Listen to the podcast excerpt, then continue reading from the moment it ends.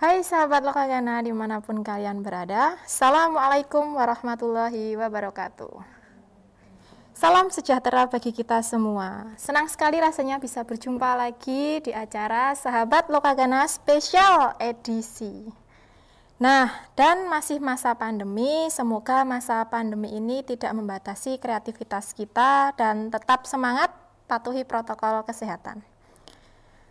Tapi sebelum itu, kami segenap kru Lokagana TV dan seluruh sivitas akademika SMA Negeri 1 Sedayu turut berduka dan mendoakan atas musibah yang dialami saudara kita di kawasan Gunung Semeru.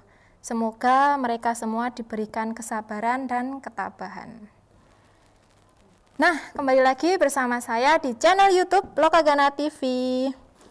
Kali ini kita berada di acara Sahabat Lokagana edisi spesial atau spesial episode. Sahabat Lokagana ini merupakan persembahan dari perpustakaan Lokagana di mana acara ini akan membahas seputar informasi-informasi pendidikan dan ilmu, ilmu pengetahuan secara umum yang tentu akan menambah wawasan bagi sahabat Lokagana semuanya. Tapi sebelum itu, jangan lupa subscribe, like, dan komen channel YouTube Lokagana TV. Dan juga klik tanda lonceng supaya tahu updatean terbaru dari Lokagana TV. Selain channel YouTube Lokagana TV, Lokagana, sahabat Lokagana juga bisa menyimak acara ini di Anchor, Google Podcast, Apple Podcast, dan Spotify. Pada episode spesial Lokagana kali ini, kita bekerja sama dengan Perpustakaan Nasional Republik Indonesia. Suatu kehormatan dan kebanggaan bagi kami bisa berkolaborasi dengan Perpustakaan Nasional Republik Indonesia. Hari ini kita akan membahas topik bertemakan mengulas NSPK Perpustakaan Sekolah dan Tokso School Library Competition from the champion until long life education. Nah, bagi sahabat Lokagana yang penasaran kira-kira apa yang akan kita bahas kali ini, jangan sampai kelewatan ya. Langsung saja kita berkenalan dengan narasumber kita yang spesial pada episode kali ini yang datangnya jauh dari Jakarta Tentu saja dia adalah Mbak Rati. Mbak Rati Nur Hidayah, SIP. Selamat datang Mbak Rati di Perpustakaan Lokagana SMA Negeri 1 Sedayu. Kita siaran langsung di mini teater Perpustakaan Lokagana. Ya, kebanggaan ya, hmm. juga bisa hadir di Lokagana. Iya dua ya ini juara dua perpustakaan SLTA terbaik tingkat nasional luar biasa. Ini saya beruntung ya. Kita memang lomba tahun ini virtual tapi saya berkesempatan hadir secara langsung di sini uh, melihat perpustakaan Lokagana yang memang luar biasa gitu. Ya, terima kasih. Akhirnya ya setelah sekian lama kita komunikasinya lewat WA aja. Sekarang iya. kita bisa ketemu dari pembinaan lomba kemarin. Iya. Dan sekarang bisa kolaps bareng iya, perpustakaan nasional. Betul. Wow. Luar biasa sekali. Ini kesempatan yang yang sangat berkesan ya. Iya. Di penghujung tahun. iya, Mbak Dina. Iya. Tapi sebelum itu kita berkenalan dulu dari Mbak Ratih ini merupakan pustakawan dari Perpustakaan Nasional. Hmm, beliau uh, mana ya CV-nya? Saya bacakan sekilas CV dari Mbak Ratih. Lulus dari Universitas Islam Negeri Sunan Kalijaga pada tahun 2015 dengan pendidikan S1 Ilmu Perpustakaan. Bekerja di Fakultas Ekonomi dan Bisnis Universitas Gajah Mada pada tahun 2018, kemudian menjadi sekretaris di sekretaris dia Iya, Fakultas Ekonomi juga di UGM dan sekarang menjadi pustakawan di Perpustakaan Nasional Republik Indonesia. Wah, sangat banyak sekali nih informasi dari Mbak Ratih mungkin bisa dilihat di channel YouTube Lokagana TV. Selanjutnya, langsung saja sahabat Lokagana biar nggak makin penasaran, kita masuk ke pembahasan kita. Tapi sebelum lebih jauh membahas tentang NSPK, saya mau bertanya dulu. Bagaimana pandangan Mbak Ratih dan visi misi dari Perpusnas terhadap perpustakaan sekolah di Indonesia? Ya, pandangan saya ya, selaku Iya. perpustakaan Perpusnas ya.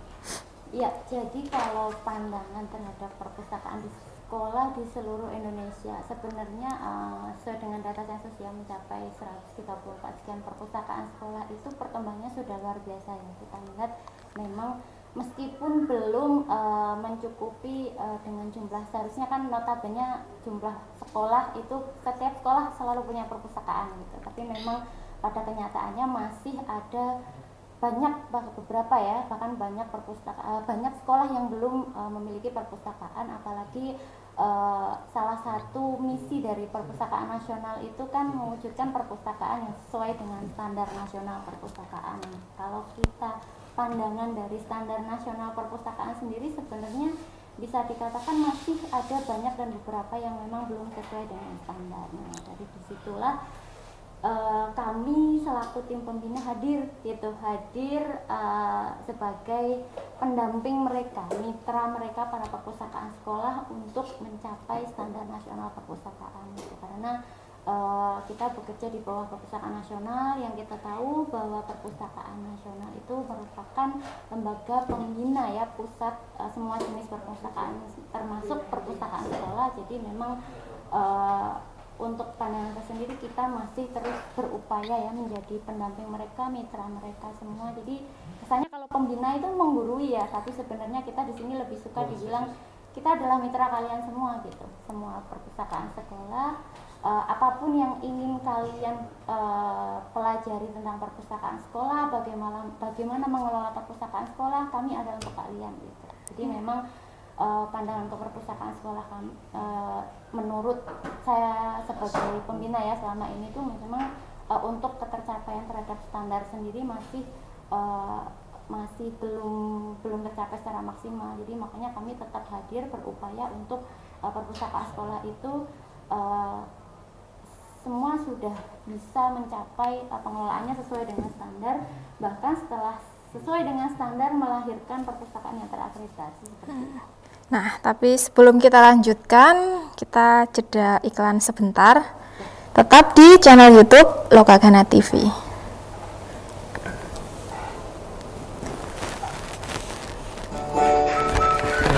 Apanya yang error? Ketoknya clip on. Clip on. Clip on nih sama aku.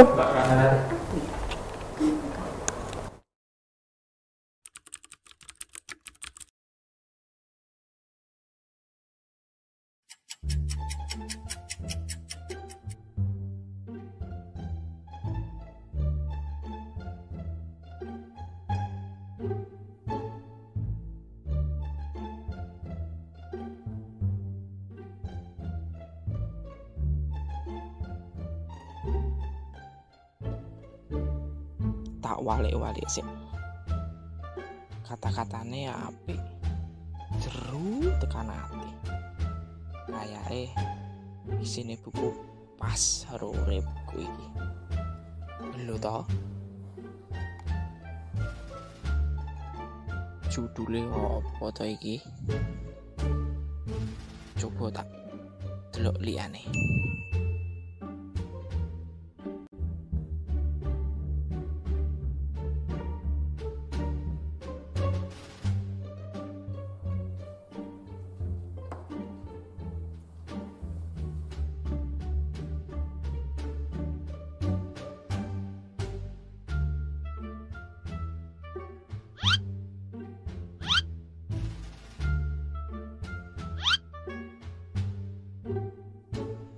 Wah, apik-apik tenan buku nih.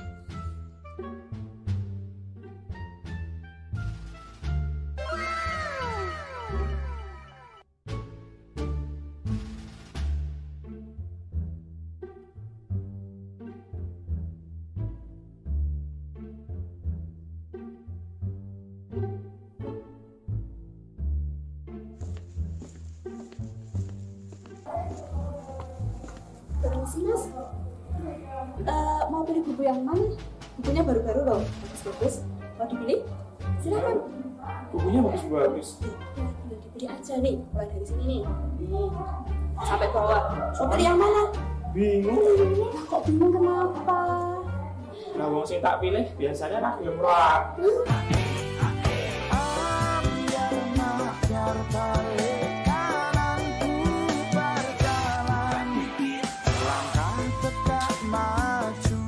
Perpustakaan Lokagana menyediakan buku yang up to date yang bisa menambah wawasan kita tentang ilmu pengetahuan.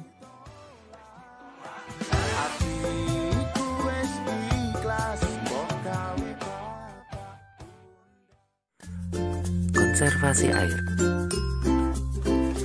Konservasi air disebut juga penghematan air. Konservasi adalah perilaku untuk mengurangi penggunaan air segar melalui metode teknologi dan perilaku sosial. Mengapa harus menghemat? Karena jumlah air bersih yang layak pakai semakin hari semakin berkurang. Berikut upaya yang dapat kita lakukan untuk konservasi air. 1. Pilah dan buang sampah pada tempatnya. 2. Menjaga kebersihan drainase. 3. Menyediakan penampungan air tanah atau air bersih. 4. Mengurangi penggunaan zat kimia. 5. Gunakan air dan pijak. 6. Tutup keran dengan rapat. 7. Dengan menanam pohon. 8. Pemasangan instalasi air yang baik dan perawatan yang rutin. 9. Menampung dan memanfaatkan air hujan. 10. Membuat sumur resapan. 11. Membuat lubang biopori. 12. Menampung dan memanfaatkan air bekas. Dan yang terakhir adalah mengolah air limbah. Setetes air seribu manfaat. Mari menghemat air. Iklan layanan ini dipersembahkan oleh Perpustakaan Lokagana SMA Negeri 1 Sedayu.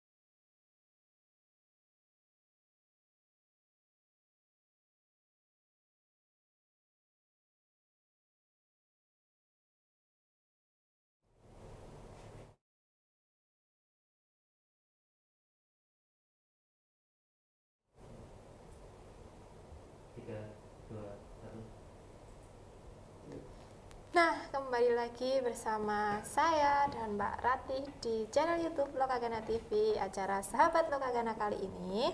Kita lanjutkan setelah tadi membahas tentang visi misi dan pandangan.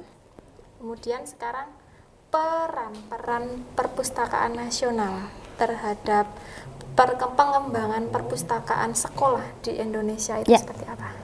peran ya. Kalau bicara masalah peran, tadi juga sebenarnya sudah saya sampaikan di awal bahwa eh, kita itu selaku pembina untuk eh, seluruh jenis perpustakaan termasuk perpustakaan sekolah. Nah, kita punya salah satu salah satu target kinerja kita itu adalah jumlah perpustakaan yang dibina dan dikembangkan termasuk jenis perpustakaan sekolah. Nah, dalam hal ini tentunya memang eh, perpustakaan nasional itu hadir untuk eh, menetapkan kebijakan baik itu eh, s- secara nasional, kebijakan yang bersifat umum ataupun kebijakan teknis dalam pengelolaan perpustakaan. Nah, kemudian eh, setelah menetapkan kebijakan, kita melaksanakan pembinaan, pengembangan, evaluasi dan juga pelaporan terhadap pengelolaan perpustakaan tersebut, termasuk jenis perpustakaan sekolah. Kemudian kita juga membina kerjasama dalam uh, pengelolaan semua jenis perpustakaan termasuk sekolah dan juga mengembangkan standar nasional perpustakaan gitu. Jadi uh, perannya memang kita lebih ke banyak ranah menentangkan kebijakan, melaksanakannya, mendampingi mereka, mengevaluasi seperti itu dan mengembangkan uh, standar-standar uh, atau acuan untuk uh, pengelolaan perpustakaan gitu.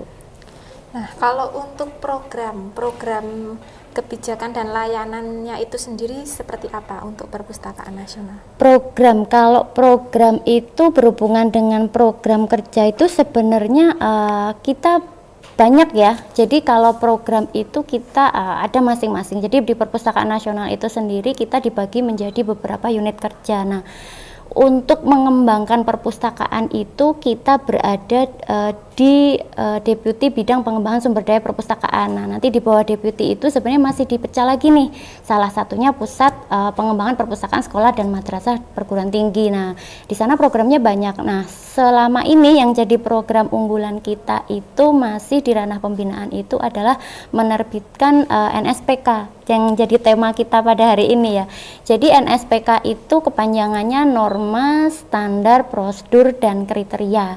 Jadi di situ uh, norma itu dijadikan uh, apa ya? acuan-acuan uh, norma-norma, peraturan-peraturan bagaimana. Jadi secara umum gambaran secara umum perpustakaan sekolah harus seperti ini. Kemudian sekolah seperti yang dituangkan di Undang-Undang dan PP 24 2014 dan juga Undang-Undang Perpustakaan ya yang kita ini Undang-Undang 43 2007. Di sana juga disebut disebutkan uh, salah satunya adalah peraturan tentang alokasi dana ya 5% untuk uh, pengembangan perpustakaan. Nah, itu semua diatur dalam NSPK. Nah, selain norma ada standar. Nah, standar ini sendiri seperti yang sudah uh, familiar ya beberapa perpustakaan sekolah yang uh, mencapai akreditasi itu sebelumnya mereka harus punya acuan standar nasional perpustakaan.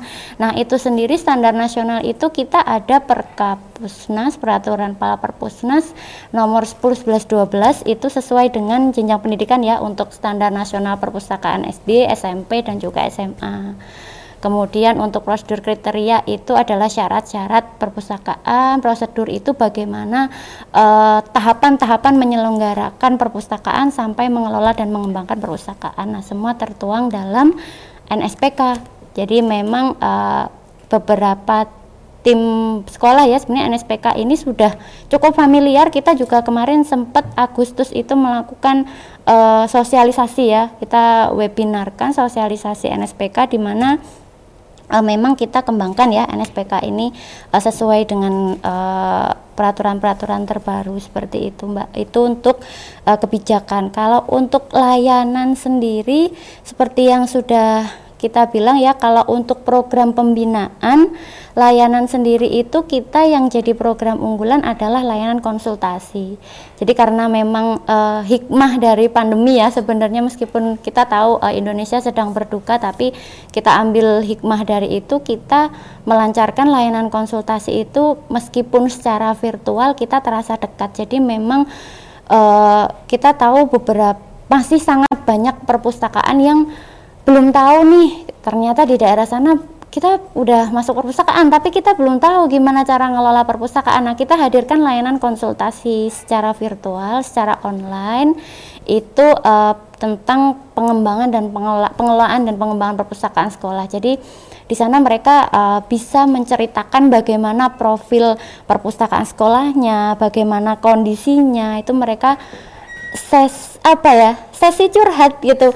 Bu perpustakaan mas saya masih seperti ini. Apakah memungkinkan ketika nanti misal saya ini gimana sih bu cara ngelola perpustakaan ini? Buku kalau datang harus saya apain gitu. Jadi yeah. buku perpustakaan itu bukunya yang mana? Apakah hanya buku paket saja atau apa? Seperti itu. Jadi mereka curhat mereka cerita tentang kondisi perpustakaannya dan kita di situ membimbing mereka gitu. Kita temenin mereka. Jadi cara mengelola seperti itu. Ketika buku datang tuh harus diapakan. Itu kita ajari di situ dan terutama panduan kita memang tetap beracu pada uh, standar nasional perpustakaan sebagai uh, apa ya istilahnya kunci kita ya, acuan kunci referensi kunci kita ya kebijakannya seperti itu bahwa apa saja yang perlu uh, dikelola ke perpustakaan itu mulai apa aja seperti itu Mbak Dina. Nah, untuk program mungkin salah satu program dari perpustakaan nasional juga menyelenggarakan lomba-lomba untuk Iya. perpustakaan sekolah di Indonesia. Iya, betul. Entah itu perpustakaan sekolah desa maupun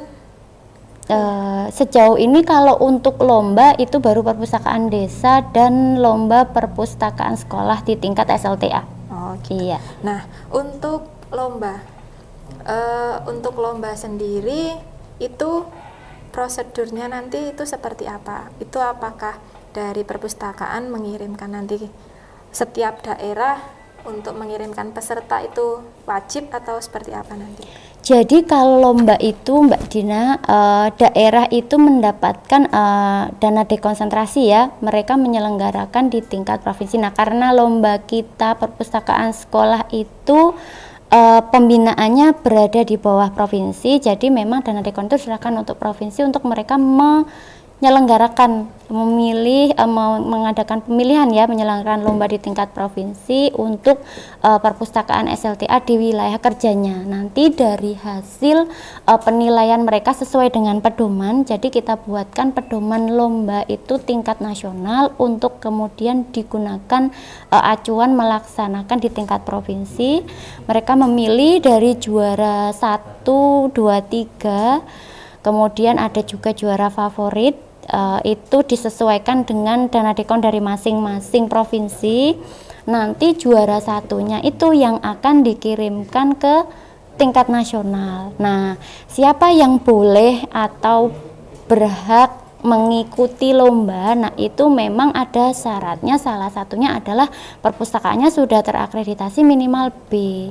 Dulu kita menyaratkan memang uh, harus memiliki NPP. NPP itu nomor pokok perpustakaan. Nah, kenapa kita uh, mensyaratkan harus punya NPP karena memang kita tahu bahwa alur dari uh, apa ya ini sebenarnya saya ada materi ya nanti mungkin nggak tahu di share apa enggak nanti mungkin bisa di share ya jadi yeah. ada bagian saya sampai bikinin kunci sukses untuk jadi perpustakaan untuk jadi perpustakaan sekolah nah jadi memang dari bagian itu dari penyelenggaraan. Nah, ini saya juga bawain bagannya nih buat Mbak Dina. Tapi nanti teman-teman bisa lihat ya bisa, di bisa ini. nanti kita masukkan di kolom deskripsi. Oh iya bisa. Jadi memang untuk jadi menuju ke lomba ya, menuju ke kompetisi itu kita nggak langsung uh, pokoknya perpustakaan eh, sekolahnya bagus, gedungnya bagus. Itu nggak cukup di situ. Jadi memang secara keseluruhan ya. Yeah. Jadi uh, sarana prasarana ya terutama berpacu pada ini eh, berpaku pada eh, standar nasional perpustakaan tentunya karena mereka salah satu syaratnya kan harus terakreditasi. Yang otomatis kalau terakreditasi kan mereka udah udah ter, terakui ya berarti sudah secara kelengkapan mereka sudah setara apalagi kalau akreditasinya sudah A seperti sedayu ya. Jadi memang eh, bagannya itu memang dimulai dari penyelenggaraan. Nah, kenapa tadi saya sebutkan e, mereka harus memiliki nomor pokok perpustakaan karena e, sebagaimana diamanatkan dalam Undang-Undang 43 2007 ya di pasal 15 itu bahwa penyelenggara perpustakaan itu wajib memberitahukan keberadaannya ke perpustakaan nasional. Nah, itu sudah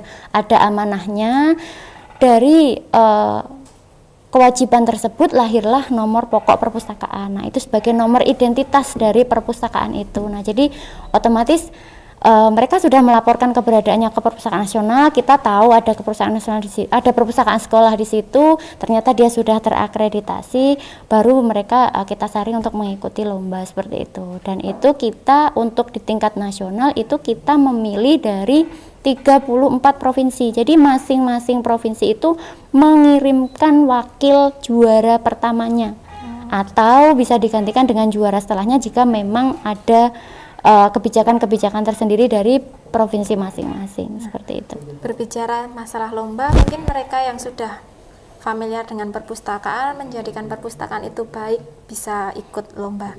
Tapi masih banyak sekali perpustakaan yang terutama untuk SDM-nya itu mereka masih minim dan banyak sekali perpustakaan ya. yang belum dikelola oleh pustakawan. Iya. Nah, itu seperti apa peran dari perpustakaan nasional untuk ke daerah-daerah yang seperti itu atau sekolah-sekolah yang seperti itu? Iya, seperti yang sudah saya sebutkan tadi ya Mbak. Jadi memang uh, kita lihat sangat uh, apa ya?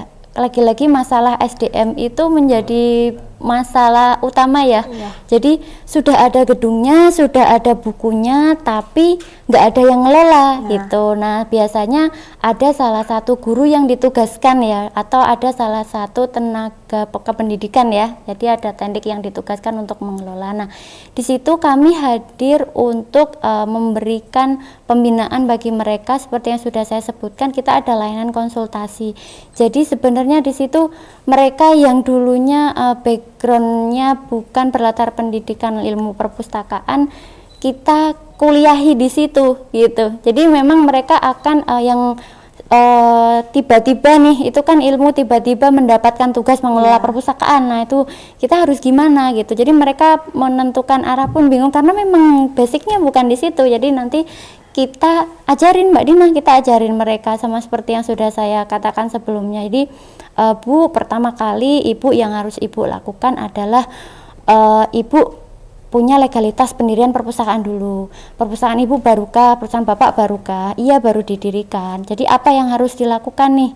Ibu pertama memang eh, harus eh, melegalkan perpustakaannya dulu. Ibu kukuhkan dulu organisasinya.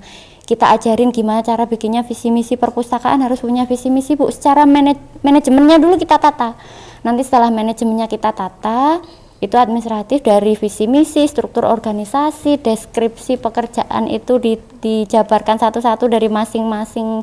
Syukur kalau pegawainya banyak ya. Kalau cuma satu ya berarti dia kepala perpustakaan merangkap staf, merangkap staf layanan, merangkap IT ya, merangkap merangkap semua. Nah itu itu kita bakal jelasin. Kemudian ada lagi nih yang paling sering eh, ditanyakan atau dikonsultasikan itu tentang eh, anggaran ya, Iya. anggaran perpustakaan sekolah. Sebenarnya eh, di Undang-Undang 43 kemudian turunannya ada PP 24 2014 itu sudah diamanahkan bahwa memang sekolah itu wajib mengalokasikan anggarannya sebesar 5% untuk pengembangan perpustakaan. Nah, kita tahu bahwa eh, perpustakaan sekolah itu kan di bawah lembaga induknya kan sekolah ya. Iya. Jadi sekolah itu pembinaannya ada di Kementerian Pendidikan dan Kebudayaan. Nah, di Kemendikbud sendiri kita tahu kita mengenal dana BOS. Iya. Nah, itu sering sekali Mbak Dina jadi mereka cerita, "E, Bu, kita ada dana BOS, tapi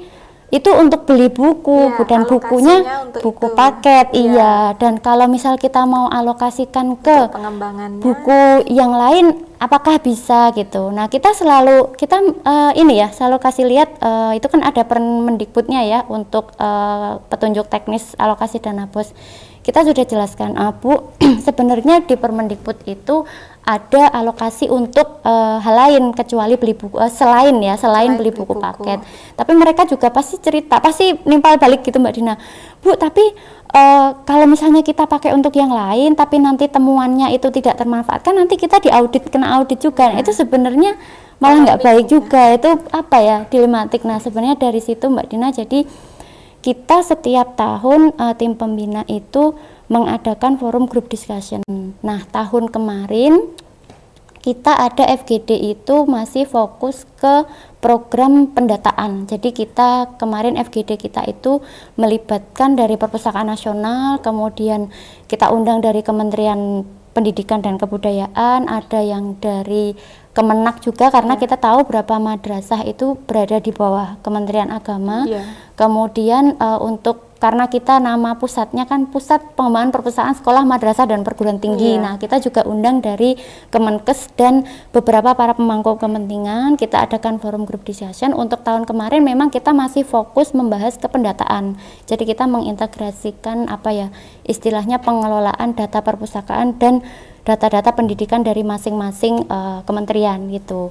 Kemudian kita ada rencana sebenarnya tahun ini eh, kita sedang berencana FGD kita akan kita isi tema tentang alokasi dana untuk perpustakaan sekolah khususnya. Jadi kita akan undang dari Kemendikbud dan Kemenak.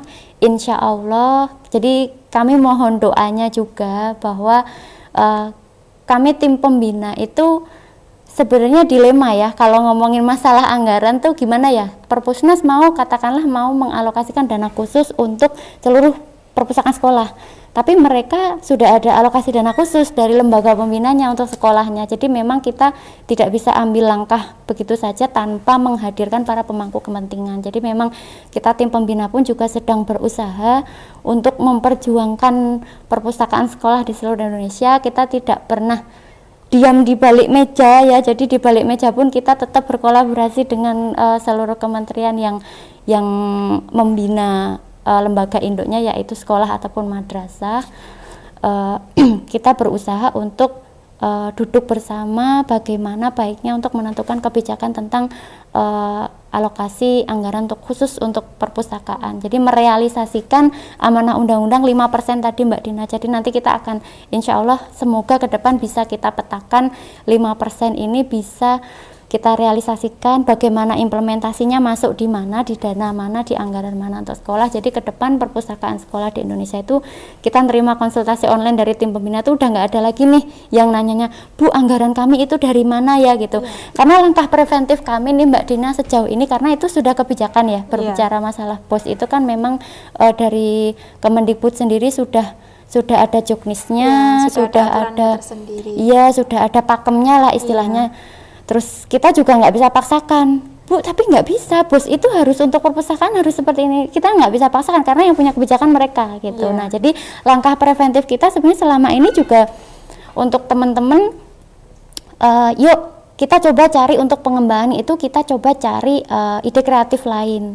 Ibu bisa mengajukan atau ibu ibu bapak bisa mengajukan proposal kerjasama untuk uh, melakukan kegiatan-kegiatan. Jadi tidak melulu uh, me, apa ya mengharapkan atau jaga ke jaga ke ya istilah bahasa Jawanya jaga ke dana bos. Itu apa bahasa Indonesia nya jaga ke itu? Itu enggak jaga ke dana bos gitu. Jadi kita bisa uh, kreatif untuk uh, apa ya mencari sumber lain lah gitu. Istilahnya gitu. Dukungan karena dari pihak lain ya. Iya betul. Nah itu tentunya kan masuk di uh, komponen penyelenggaraan dan pengelolaan ya kerjasama itu jadi uh, itu nanti kalau misalnya bapak dan ibu pengelola perpustakaan sudah mahir atau kreatif seperti itu nanti akan jadi poin plus tentunya ketika mereka sudah pada tahap menuju akreditasi. Jadi kan tingkatannya nih diselenggarakan dulu nih, dibentuk dulu, legal dulu, ada perpustakaannya, ada layanannya, ada aktivitas di situ. Mereka kemudian e, kesesuaiannya terhadap standar mulai dari koleksi, sarana prasarana, SDM, kemudian penyelenggaraan pengelolaan sampai dengan e, faktor penguat ya kreativitas inovasi. Nah, mereka uh, ada poin plus nih kalau sudah dari awal sudah mahir kerjasama tentunya kan mereka ketika akreditasi akan nilainya akan tinggi di situ seperti itu. Nah, ini mungkin bisa menjadikan gambaran untuk mereka atau sekolah-sekolah yang ingin memajukan perpustakaannya ya. atau mengembangkan perpustakaannya ya. biar lebih maju dan perpustakaan nggak dipandang sebelah mata. Ya. Kadang di sekolahan itu masih banyak mungkin di luar sana yang masih menganggap alah nggak ada perpustakaan juga pendidikan masih tetap berjalan atau iya, pelajaran juga betul. masih tetap berjalan. Iya, mungkin sekali. itu tadi gambaran dari Mbak Ratih bisa bisa memberikan motivasi bagi teman-teman di luar sana yang khususnya ya. untuk para pengelola perpustakaan supaya nggak berkecil hati. Iya, betul. Karena masih banyak sekali memang di luar sana yang masih dipandang sebelah mata kita sebagai orang di perpustakaan. Iya. Tapi sebelum itu kita lanjutkan, kita jeda iklan terlebih dahulu. Tetap di channel YouTube Lokagana TV.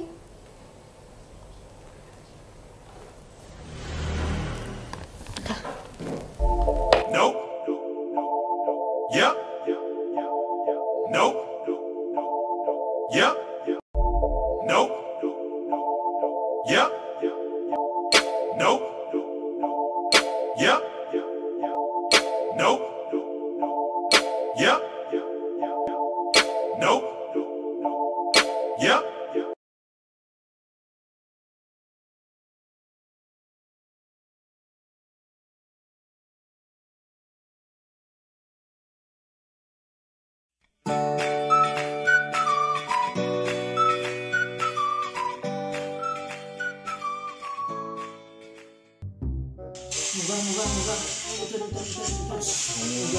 Ngiri. Enggak, enggak, enggak. Enggak, iya, enggak, enggak. Apa enggak ngono? Wah, dong apa ini nang ngene nomor meski? Padahal ngegame. Ngegame apa apa? Biasa. Tunggu wifi gratis ya iki ya? Iya. Itu kan nggo ngegame, nggo sinau. Mulai ya Pak Dongo. Ayo, enggak.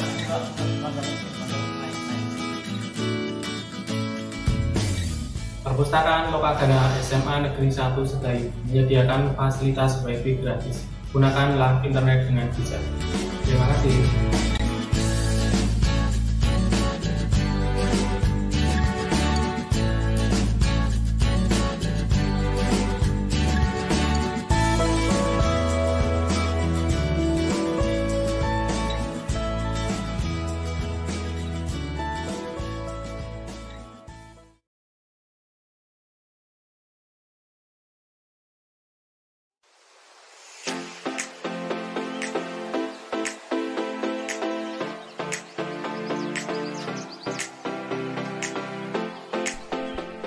Menjadi laboratorium literasi, Perpustakaan SMA Negeri 1 Sedayu Bantul dibuat menjadi tempat menarik dan asyik bagi pengunjungnya. Keseluruhan isi ruangan dicat berwarna-warni, mulai dari meja, kursi, hingga rak buku. Bahkan, di beberapa bagian dipenuhi aneka karya lukis. Selain menghadirkan nilai seni, juga mengajarkan pendidikan moral saat membaca pesan dari coretan kanvas tersebut. Ada ribuan buku bacaan yang tersedia. Tidak hanya buku pelajaran, namun juga buku umum yang akan menambah hasanah keilmuan siswa. Selain itu, perpustakaan ini juga dilengkapi dengan pendingin ruangan untuk menghadirkan rasa nyaman dan suasana tenang. Dengan penataan yang apik, tak heran jika keberadaan perpustakaan sekolah menjadi tempat favorit bagi siswanya.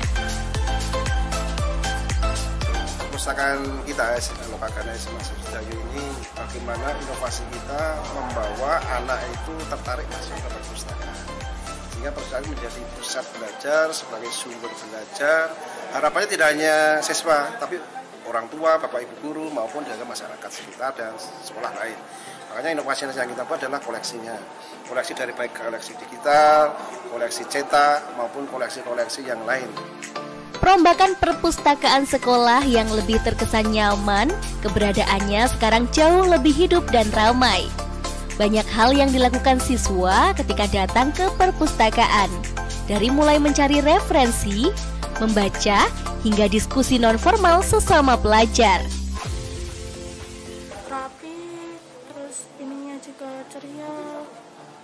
Variasi warnanya bagus. Kalau masuk di sini tuh adem gitu. Soalnya kan buku itu kan jendela dunia. Jadi kalau kita banyak buku banyak baca buku kan otomatis kita banyak tahu tentang apa-apa yang ada di dunia ini. Inovasi program perpustakaan SMA Negeri 1 Sedayu ini mendapat apresiasi dari anggota DPRD DIY. Selain koleksi perpustakaan yang lengkap serta suasana yang menyenangkan, diharapkan keberadaan perpustakaan kini mampu menghidupkan jantung literasi sekolah. Untuk SMA-SMA yang lain. Jadi tidak hanya sebatas pendidikan apa namanya tulis aja buku, tetapi juga pendidikan yang real, pendidikan yang kemudian edukasi masyarakat dari dulu sampai sekarang. Itu bisa menjadi contoh untuk semuanya.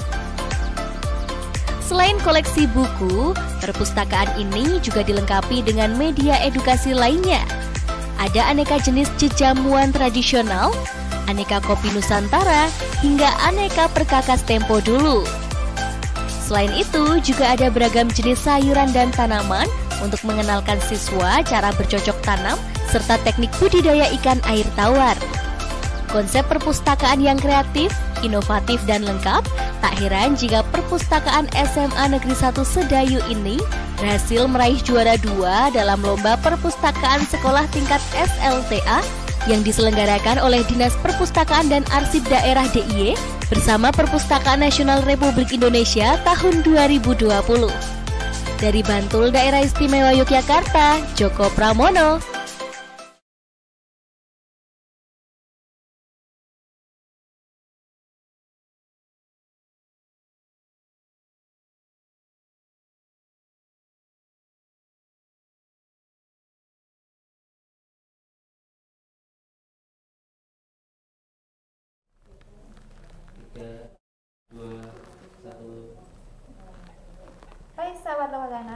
lagi bersama saya di channel YouTube Lokagana TV dalam acara Sahabat Lokagana.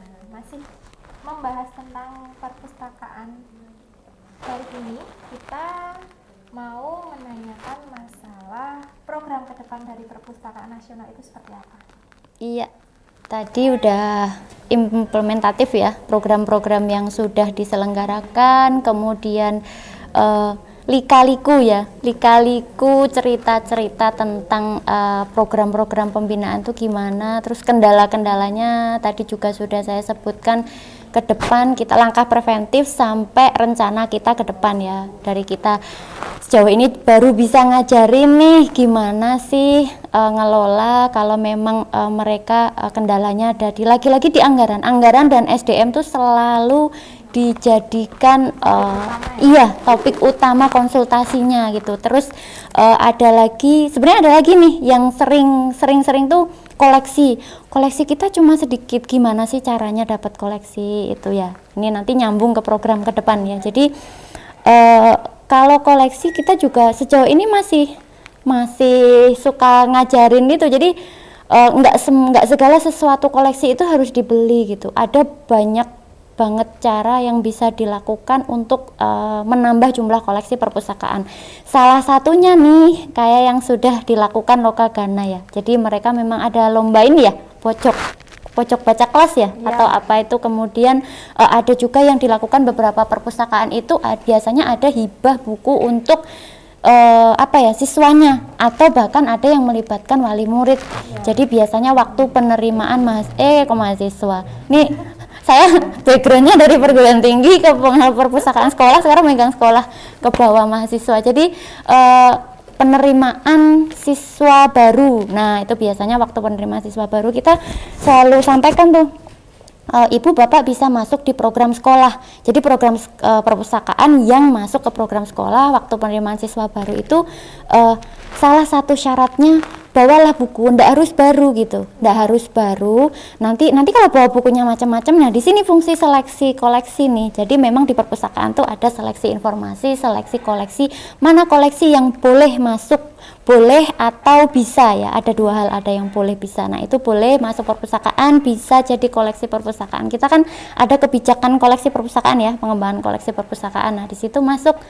Selain itu bisa juga lewat uh, ketika apa itu pelepasan siswa itu ya oh, wisuda itu. Kan di SMA wisuda juga ya, ya sekarang nggak cuma mahasiswa.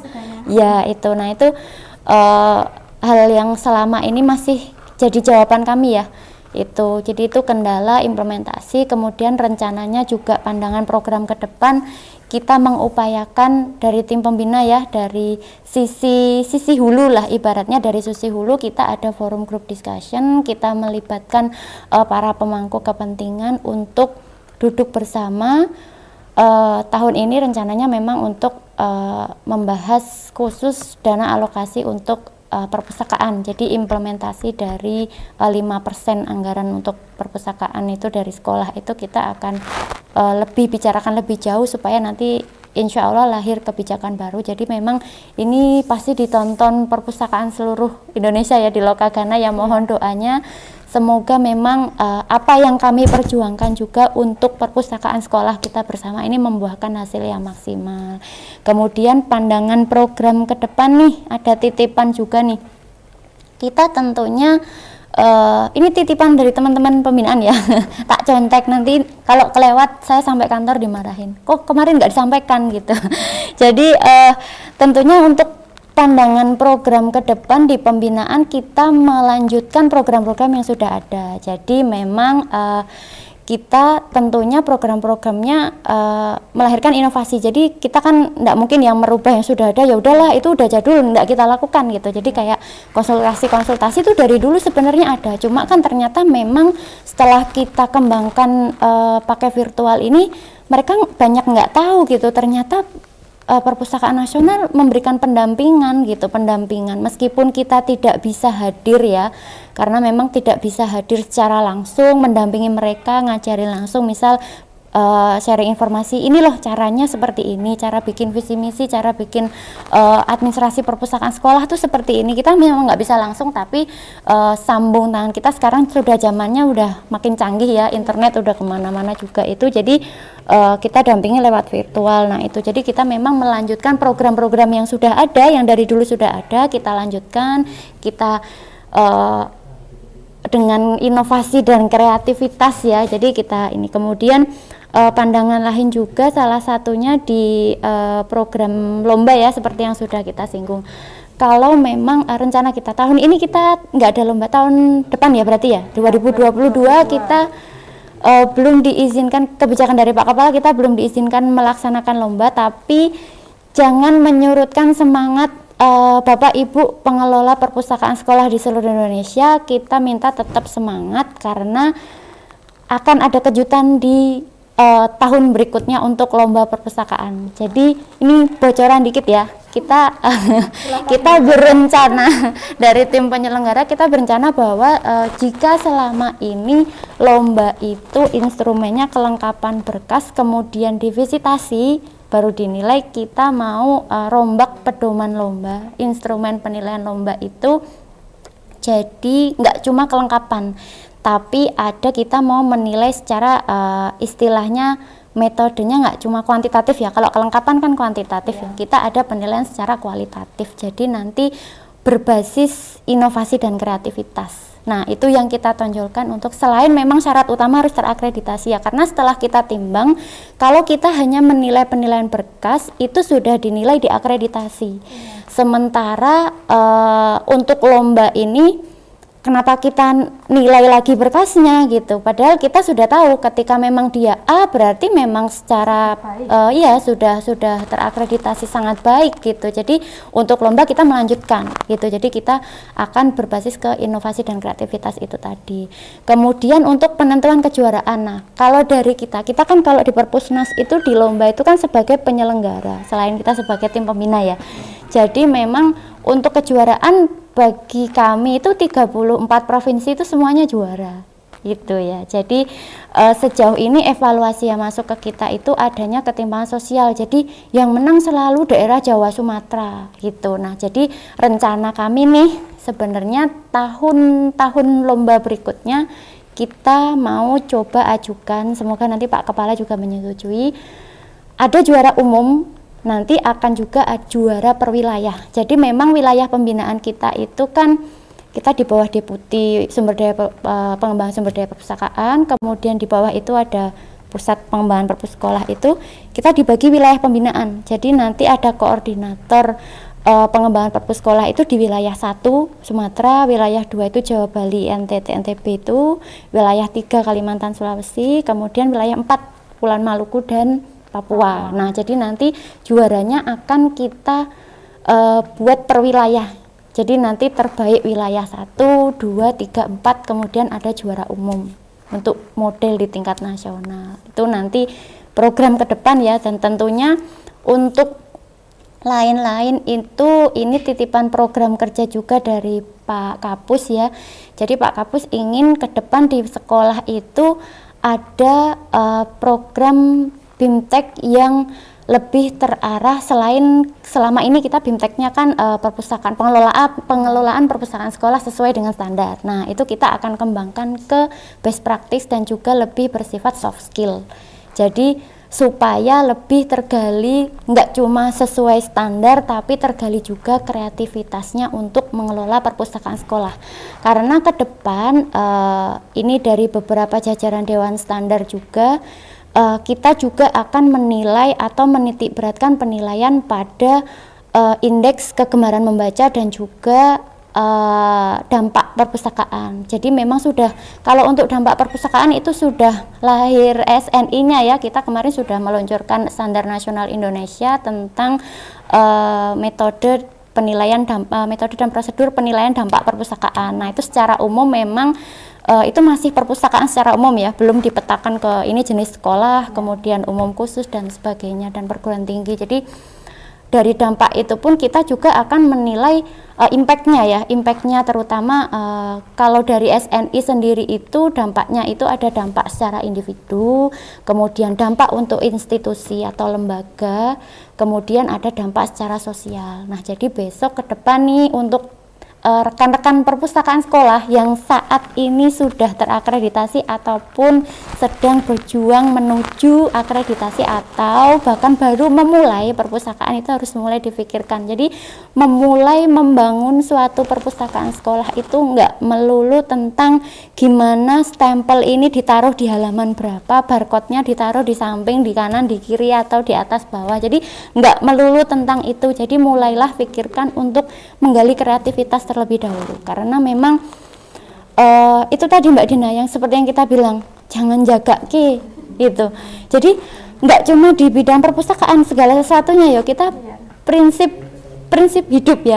Prinsip hidup itu kalau kita bisa melakukan sesuatu dengan penuh inovasi dan kreativitas kenapa harus menjaga ke yang lain gitu. Jadi memang kalau untuk kebijakan ya termasuk masalah anggaran tadi ataupun penambahan koleksi.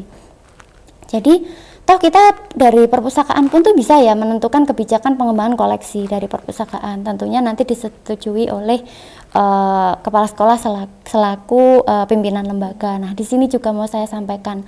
Sebenarnya secara pribadi sudah pernah saya sampaikan ke Mbak Dina bahwa perpustakaan sekolah yang terkelola dengan baik dikarenakan SDM-nya itu baik itu capaian yang lumrah. Ya. karena memang tugas uh, eh, SDM perpustakaan yang mengelola perpustakaan. Yeah. Tapi capaian yang lebih luar biasa lagi itu adalah perpustakaannya baik karena SDM-nya baik dan karena lagi kepala lembaganya, kepala sekolah ya dalam hal ini itu punya komitmen yang tinggi yang luar biasa untuk mengembangkan perpustakaannya. Jadi ini semoga yang nonton juga Bapak Ibu kepala sekolah di seluruh Indonesia. Jadi memang Bapak Ibu mengembangkan perpustakaan itu nggak bisa cuma dari koleksinya aja yang banyak, siswanya aja yang sering datang tapi nggak terjadi interaksi apa pun di situ dengan pustakawannya. Atau cuma pustakawannya aja nih yang berprestasi tapi perpustakaannya ternyata biasa-biasa aja. Berarti kan dia apa ya cuma berprestasi dirinya sendiri nggak memberikan impact. Nah itu kenapa lahir sampai kita lahir akan ada penilaian tentang indeks kegemaran membaca untuk masyarakatnya. Itu salah satu capaian. Kemudian kita mau ada juga dampak dari keberadaan perpustakaan itu sendiri. Itu pandangan program kita ke depan sih. Untuk pandangan-pandangan lain kita tentunya masih banyak inovasi. Jadi memang jangan pernah khawatir ya dari untuk pengelola perpustakaan sekolah di seluruh Indonesia perpusnas nggak bakal bubar. Perpusnas akan selalu ada untuk e, menjadi mitra ya. Jadi jangan bilang kita menggurui, kita cuma sebagai ATM berjalan Bapak Ibu kalau ada apa-apa pokoknya ikutlah Perpusnas. Nanti anggarannya ada di Perpus. Kita mitra Bapak Ibu. Jadi kita mengelola perpustakaan sekolah ini bersama-sama gitu. Belum itu untuk teman-teman sahabat Lokagana semuanya yang mau bertanya silahkan langsung ke live chat bisa nanti kita tanyakan ke Mbak Rati Iya. Tapi ada lagi nih masalah kompetisi. Iya. Masalah kompetisi itu apakah ada keberlanjutan monitoring untuk para para peserta lomba dari perpustakaan nasional karena kalau dilihat kan kita yang penting di situ kan sebenarnya nggak cuma berbicara masalah administrasi saja hmm. Justru harus ke implementasinya secara langsung ke yeah. uh, ke pemustakanya atau ke warga sekolah yang ada di lingkungan perpustakaan tersebut. Yeah. Itu nanti seperti apa Mbak Rati pandangannya? Apakah monitoring itu selalu yeah. selalu perpusnas lakukan untuk seperti kami misalkan kami kemarin ikut nanti dimonitoring dari perpusnas atau seperti apa? Kalau sejauh ini uh, monitoring ya is, uh, apa ya kegiatan monitoring itu justru uh, karena ini lomba ya. Jadi lomba itu kan daftar sesuai pedoman dinilai keluar nilainya jadi juara gitu. Cuma karena kami itu kan uh, ranahnya tim juri ya kalau penilaian. Tapi karena kami kan tim pembina jadi berkelanjutan. Nah kalau selama ini monitoring istilah monitoring itu kita pakai waktu penyelenggaraan. Nah ini juga sudah uh, berangsur. Sebenarnya saya baru ya Mbak masalah perlombaan ini. Karena saya masuk Perpusnas kan 2019 tapi kebetulan memang begitu masuk uh, langsung ikut bantu-bantu dulu. Kalau CPNS kan masih bantu-bantu ya istilahnya. Terus kita ada reorganisasi terus ketiban duren runtuh istilahnya. Tiba-tiba 2000 ya 2020 ya kita ada reorganisasi perusahaan nasional kemudian beberapa koordinator-koordinator yang apa ya dulu namanya PSC kegiatan ya. Kalau dulu kan e, masih ada eselon 3 jadi ada kabit di bawah kabit ada koordinator kegiatan. Itu memang sudah banyak yang promosi ya sekarang eselon 3 sudah uh, digantikan oleh koordinator subkor kemudian per kegiatan uh, istilahnya PIC nah tahun ini yaitu ketiban durian runtuh saya dapat uh, amanah dari Pak Kapus untuk jadi PIC kegiatan lomba. Jadi memang dari sebelum-sebelumnya pun dari saya masih awal bantu-bantu sampai sekarang jadi PIC itu kita monitoring itu dilakukan ketika penyelenggaraan. Karena ranah kita kan di pembinaan selain di sekretariatnya ya penyelenggaranya. Nah itu monitoring itu waktu berkas dari provinsi karena kita kan tidak berhubungan langsung sebenarnya dengan peserta. Jadi memang koordinasi perpustakaan nasional itu atau kita tim sekretariat lomba ya untuk kegiatan lomba itu kita berkoordinasi dengan dinas provinsi. Jadi kita terima berkas dari provinsi kita lihat uh, mulai dari kelengkapan segala macam sebelum sampai di rapat juri beliau menilai ya beliau menilai kita sudah bina dulu nih dari kesesuaian berkasnya dengan pengisian borang instrumen penilaian. Nah, apa yang sebenarnya dinilai di tingkat nasional itu belum sesuai karena memang untuk provinsi sendiri pun kan sudah ada dewan jurinya sendiri. Nah, seperti itu. Jadi memang kalau ditanya nih kok bisa padahal instrumennya sama dinilai provinsi tapi dinilai nasional kok beda karena memang kita untuk uh, apa ya disaring di nasional berkas itu tentunya jauh lebih ketat ya cuma karena sebelum uh, karena ya itu basic kita di pembinaan sebelum sampai di meja juri memang kita ajukan beberapa uh, perbaikan itu nah itu monitoring di situ. Selain itu monitoring selain uh, dari kelengkapan berkas kemudian kita juga ada monitoring itu lebih ke evaluasi uh, apa ya bukan evaluasi sih monitoring pelaksanaan ya progres. Progres lebih tepat lepatnya itu progres pelaksanaan di tingkat provinsi. Jadi memang uh, kita tahu bahwa pelaksanaan di tingkat provinsi itu kan menggunakan dana dekonsentrasi dari perpustakaan nasional. Nah jadi memang sejauh ini untuk uh, laporan monitoring itu sendiri lebih banyak di tingkat provinsinya pelaksana tingkat provinsi. Nah, oh, kalau untuk peserta kita lebih ke uh, rekomend dari kelengkapan berkas bukti fisik kita di Mbak Dina. Jadi untuk tahun ini juga kita uh, kalau di tahun sebelumnya sebelum virtual ya iya. itu yang saya masih status bantu-bantu sebagai C-nya belum hilang itu dulu kita rekomendasi itu biasanya diberikan untuk yang tidak lolos Nah, untuk tahun ini kita sama ratakan. Jadi memang dari 34 itu nanti kan kita ambil yang memenuhi syarat. Salah satunya yang ber-NPP dan juga e, terakreditasi minimal B. Nah, dan itu belum kadaluarsa gitu.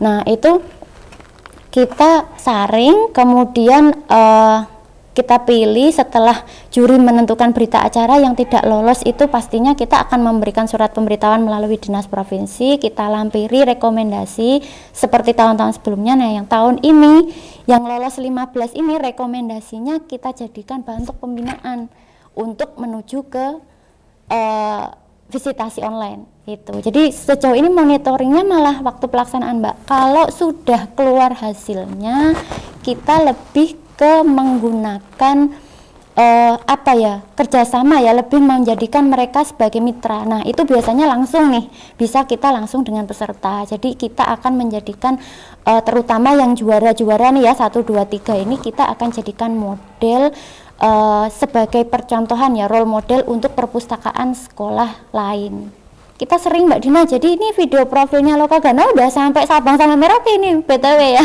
Karena kita sering nih ketika konsultasi kita selalu sampaikan ibu uh, contoh dari Lokagana bahkan berkas-berkas yang pernah dikirim Lokagana itu kan menjadi arsip kami. Nah itu kita jadikan ada yang kita jadikan percontohan ya. Tentunya nggak dari Lokagana aja karena kita ada 15 besar pemenang ya. Tapi memang yang biasanya dijadikan contoh 1, 2, 3 nah itu kita jadikan contoh. Misal dia nanya bu saya belum punya SK pendirian perpustakaan. Itu bentuknya seperti apa? Nah kita ambil dari uh, sekian ribu bukti fisik luar biasa memenuhi meja saya ya. Semoga tahun depan kurangnya udah nggak dikirim-kirim lagi. Kita lagi menggadang sebuah sistem untuk ngirim berkas itu nggak perlu fisik. Itu kita jadiin contoh untuk mereka. Mereka nih yang masih katakanlah kita bilang pemula.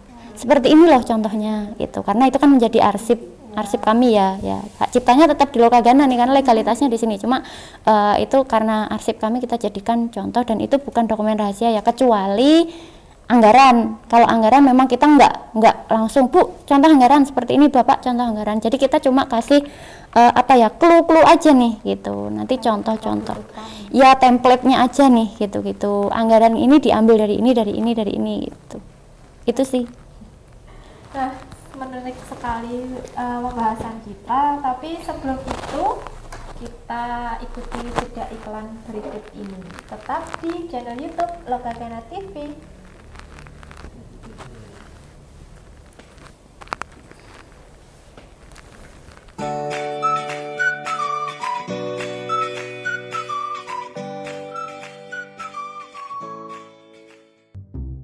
Mudah, mudah, mudah. Ngiri. Enggak, enggak, enggak. Enggak, iya, enggak, enggak. Apa enggak iso Wah, dong apa ini nang ini nomor meski? Padahal ngegame, ngegame apa apa? Biasa. Tunggu wifi gratis ya iki ya? Iya. Wifi itu kan gue ngegame, gue sinau. Gue mulai ya. Ayo, enggak, enggak. Enggak, enggak. Perpustakaan Lokagana SMA Negeri 1 Sedayu menyediakan fasilitas wifi gratis. Gunakanlah internet dengan bijak. Terima kasih.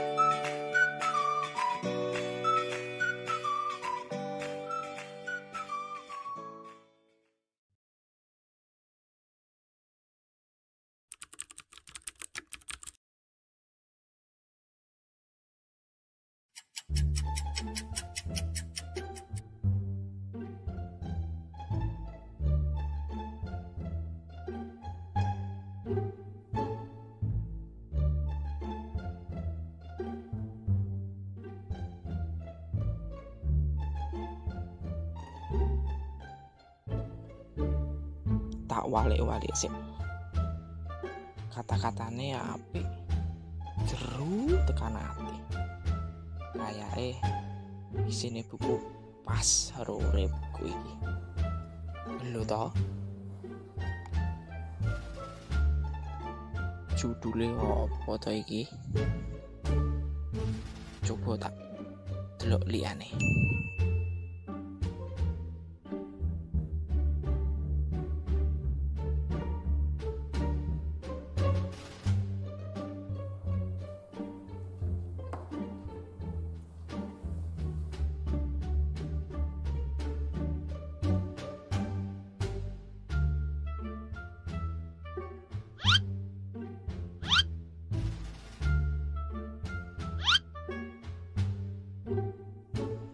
apik-apik tenan buku nih.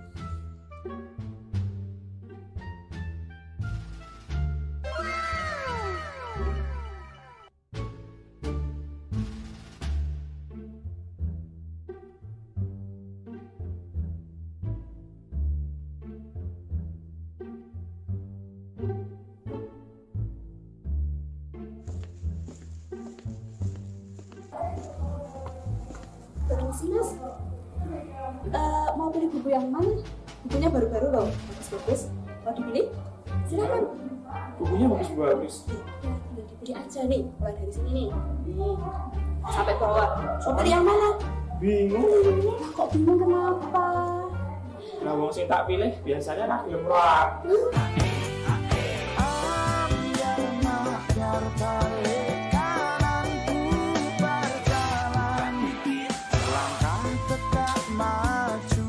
Perpustakaan Lokagana menyediakan buku yang up to date yang bisa menambah wawasan kita tentang ilmu pengetahuan.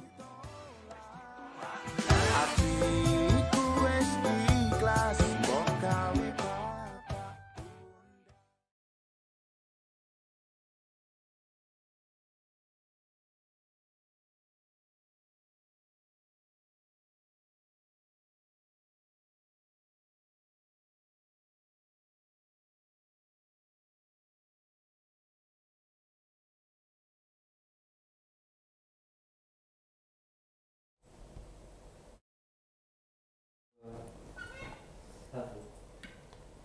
sahabat Lokagana, kembali lagi bersama saya di channel YouTube Lokagana TV episode spesial Lo- eh, sahabat Lokagana. Nah, ternyata banyak banget nih yang tanya di live chat. Tapi sebelum itu kita masuk ke ini dulu nih. Mbak Ratih sebagai orang di lapangan, orang di lapangan Orang aku di di balik lapangan. meja iya kira-kira apa sih tantangan terbesarnya? Me- apa ya, membina banyak sekali perpustakaan-perpustakaan di Indonesia ini kira-kira punya tantangan apa dan kesan apa? kesan dan tantangan kesan tantangan ini berarti hu- hubungannya sama harapan ya Iya. eh logatku keluar ya logatku Jawa Timur keluar Jawa Timur ya, padahal aku sudah padahal KTP ku DIY jadi gini kalau tantangan itu terus terang dengan eh, apa ya benturan kepentingan ya seperti Iya. kebijakan tadi itu pasti banget. Karena itu kan sebenarnya bukan ranah pelaksana ya. Kan istilahnya gini aku kan pelaksana ya aku dan tim kan pelaksana. Itu kalau ranah kebijakan kan udah ada eh, beberapa yang menangani itu tantangan terbesar di situ. Jadi sebenarnya kita juga pengen gitu seperti apa ya kita memposisikan sebagai pengelola perpustakaan juga gitu. Cuma kan eh, memang harus ada pakem-pakem ya ada batasan-batasan ada kebijakan lah istilahnya mau kita umum katakan kebijakan yang harus kita uh, perhatikan juga. Nah, tantangan terbesarnya juga itu kita terutama jarak ya. Jarak pasti kita di Jakarta sementara yang kita bina dari Aceh sampai Pulau Rote ya. Apalagi yang jauh-jauh sampai ke 3T itu itu luar biasa ya. Jadi dan kita nggak melulu bisa hadir ke sana gitu loh. Padahal kalau misal eh, kita bisa hadir di sana secara fisik itu akan jauh lebih bisa membantu mereka ya, mendampingi mereka secara langsung gitu. Itu kalau tantangan di situ sih. Tapi kalau untuk kesan ya, kesan selama ini kalau ini sifatnya pribadi ya, nggak bawa-bawa perpusnas ya. kalau Curhatannya nggak apa-apa, Miss. curhat ya nek curhatnya nggak nih pengalaman hidup. Saya sebenarnya secara pribadi ndak ndak pernah mbak Dina apa ya lu aku nangis nanti berkaca-kaca nek ngomong gini. Jadi sebenarnya panjang ya. Saya sebenarnya memang s- muda banget ya enggak tua banget ya enggak gitu. Ya tengah-tengah nih sejauh ini berkecimpung di dunia perpustakaan tuh sebenarnya saya nggak pernah nyangka bisa sampai di posisi ini ya baru segini sebenarnya. Cuma kalau misalnya untuk saya pribadi saya nggak pernah nyangka gitu. Dulu saya lulus saya dulu dari pertama kuliah ya mbak Dina ya. Kok ngambil jurusan? Si Fesit kok gak enak banget ya. Itu tuh kok ngambil jurusan ilmu perpustakaan? Saya dulu nggak pernah kebayang ya mbak Dina masuk UIN gitu ilmu perpustakaan. Ini sebenarnya apa ya eh doa ibu ya katanya dari seribuan apa ya miliaran capaian yang kamu lalui itu salah satu di situ. Bukan salah satu ya hal terbesar di situ adalah doa ibumu yang terkabulkan. Jadi saya sebenarnya nggak nggak nggak nyangka aja gitu loh Mbak Dina bisa berada di posisi ini nih pakai seragam perpustakaan nasional yang kita tahu. Ini kalau ngomongin perpustakaan itu perpustakaan nasional ada di level top top level dari ini dari perpustakaan perpustakaan ya. Yang nggak nyangka bisa pakai seragam ini gitu. Cuma sejauh ini dari awal masuk kuliah gitu. Bu apa dulu ibu saya mbak Dina yang ini? Ini ibu bilang e, ambil jurusan ilmu perpustakaan. Padahal saya basicnya kan anak STM gitu. Saya SMK teknik loh mas broadcasting ini mas-mas yang ini di belakang kamera ada mas-mas broadcasting di sini. Saya dulu gitu juga kerjanya gitu. Jadi saya dari SMK dulu dari STM semi STM malah ya. Jadi terus tiba-tiba ngambil perpustakaan. Ini ibu saya ibu saya bilang ambil jurusan ini perpustakaan gitu. Itu ke depan bakalan uh, bakalan bermanfaat banget gitu. Jadi karena saya birul walidain ya istilahnya. Saya berbakti pada kedua orang tua. Ibu saya di rumah. Ini ibu saya nonton loh. Ibu saya di rumah. Ya bu saya ngambil gitu. Saya di UIN saya dulu sebenarnya pengen banget masuk malah di ilmu pemerintahan gitu. Tapi ibu bilang udah di UIN aja gitu. Terus bilang iya udah bu saya di UIN ilmu perpustakaan saya jalanin. Saya lulus. Saya nggak betah mbak kuliah tuh. Makanya saya lulus saya cepet tuh sombong. Nggak jadi jadi kuliah dan nggak tahu kenapa ya karena memang dasarnya ini pesan moral ya. Jadi segala sesuatu yang kamu dasari menuntut ilmu kalau kamu niatnya biru walidain selalu dimudahkan. Saya lulus itu saya nggak pernah ngerasain nganggur. Jadi begitu saya April saya Januari ujian pendadaran ya Maret itu wisuda per April saya langsung keterima di Gajah Mada. Itu sebenarnya nggak nggak nggak nyangka juga gitu. Wong saya tuh dulu pengennya bu saya pengen S2 gitu terus ternyata di Gajah Mada dulu namanya ada lowongan magang ya? Yeah. saya magang bu uh, ada lowongan magang nih di Gajah Mada gitu. Di ini perpustakaan? Iya ya udah diterima aja. Nanti ya udah bu sambil nunggu daftaran S2 ya karena dulu kan biasanya daftaran tuh kan Septemberan yeah. itu ya. Ya udah saya ambil dulu. Tapi begitu mau daftar ternyata SK saya diperpanjang nih kontrak di situ Bu saya diperpanjang gimana? Mau kuliah apa mau ke Gajah Mada? Sekarang kalau daftar kuliah tuh gampang tapi yang susah itu daftar kerja. Udah kamu di situ aja. Ya udah saya manut ibu saya di situ. Sebenarnya ya itu jadi selalu libatkan orang tamu dalam setiap perjalanan hidupmu ya. Jadi sampai akhirnya saya ketemu jodoh di Gajah Mada. Nah ini ini perjalanan ke Perpusnas dimulai ini jadi uh, dulu saya masuk Perpusnas ini kenapa sampai sekarang ini setelah selain ibu bapak saya ya ini ternyata jodoh dunia. Akhirat tak bawa sampai mati. Ini suami saya nonton nih. Jadi dulu yang minta saya daftar ke perpusnas itu statusnya masih calon suami ya. Pacar ya nek zaman biyen pacar. Pacarku sih minta daftar gitu. Jadi uh, dia bilang jurusanmu itu nggak banyak. Ya. nah terus kamu cewek jadi kalau misalnya uh, ada kesempatan kamu ikut daftar. Di perpusnas dulu formasinya ada beberapa daftar gitu. Tapi oh aku nggak pernah ikut CPNS sam gitu. Belum pernah gitu. Gimana? Ya udah ya udah aku yakin aja daftar. Daftar dan ternyata ya itu memang kalau jodoh itu ada aja jalannya ya. Ternyata sampai sekarang sampai diklatsar suami ya karena begitu diklatsar kan aku nikah begitu terima CPNS aku nikah. Nikah sampai diklatsar sampai lulus sampai fungsional didampingi sang suami tercinta. Jadi memang apa ya kesannya di situ sih. Jadi sebenarnya perpustakaan tuh selain apa ya dari aku kenal perpustakaan itu sebenarnya dari meskipun basicku STM ya aku dulu sering bukan sering tapi beberapa kali emang lebih nyaman main ke perpustakaan gitu.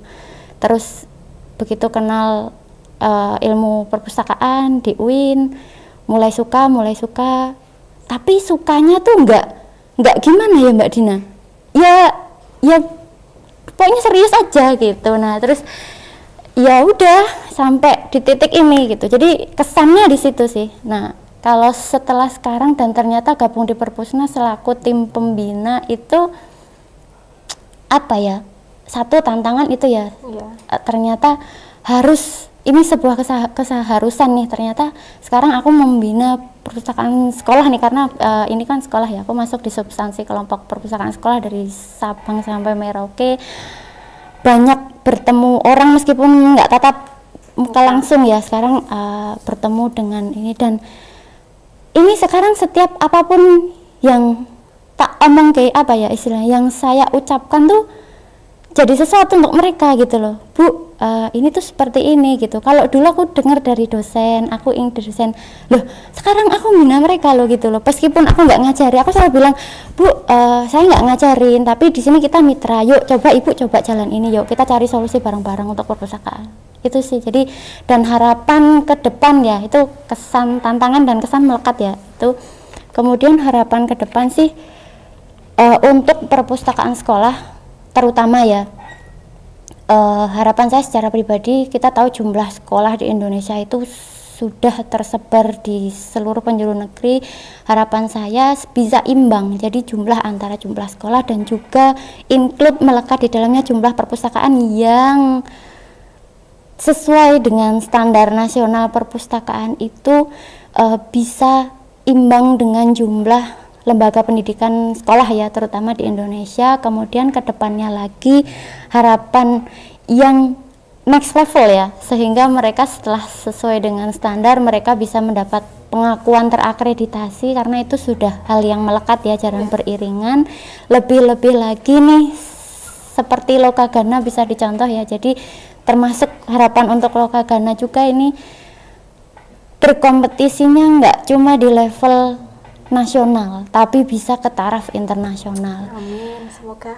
Ya, jadi dan nggak cuma melekat seperti tema kita ya, nggak cuma melekat sebagai uh, champion ya, nggak yeah. cuma sebagai juara, tapi bagaimana uh, kalian kita lah ya, saya nggak bilang kalian karena aku bilang memposisikan diri sebagai pengelola ya, karena kan kita mitra, kita rangkul bersama kita bisa memberikan manfaat uh, atau pembelajaran sepanjang hayat ke uh, seluruh masyarakat yang dilayani terutama kalau di sekolah kan peserta didik ya sasaran ya. utama kita itu. Jadi uh, jangan cuma jadi juara tapi seberapa manfaat juara itu untuk orang-orang di sekitar gitu. Super sekali.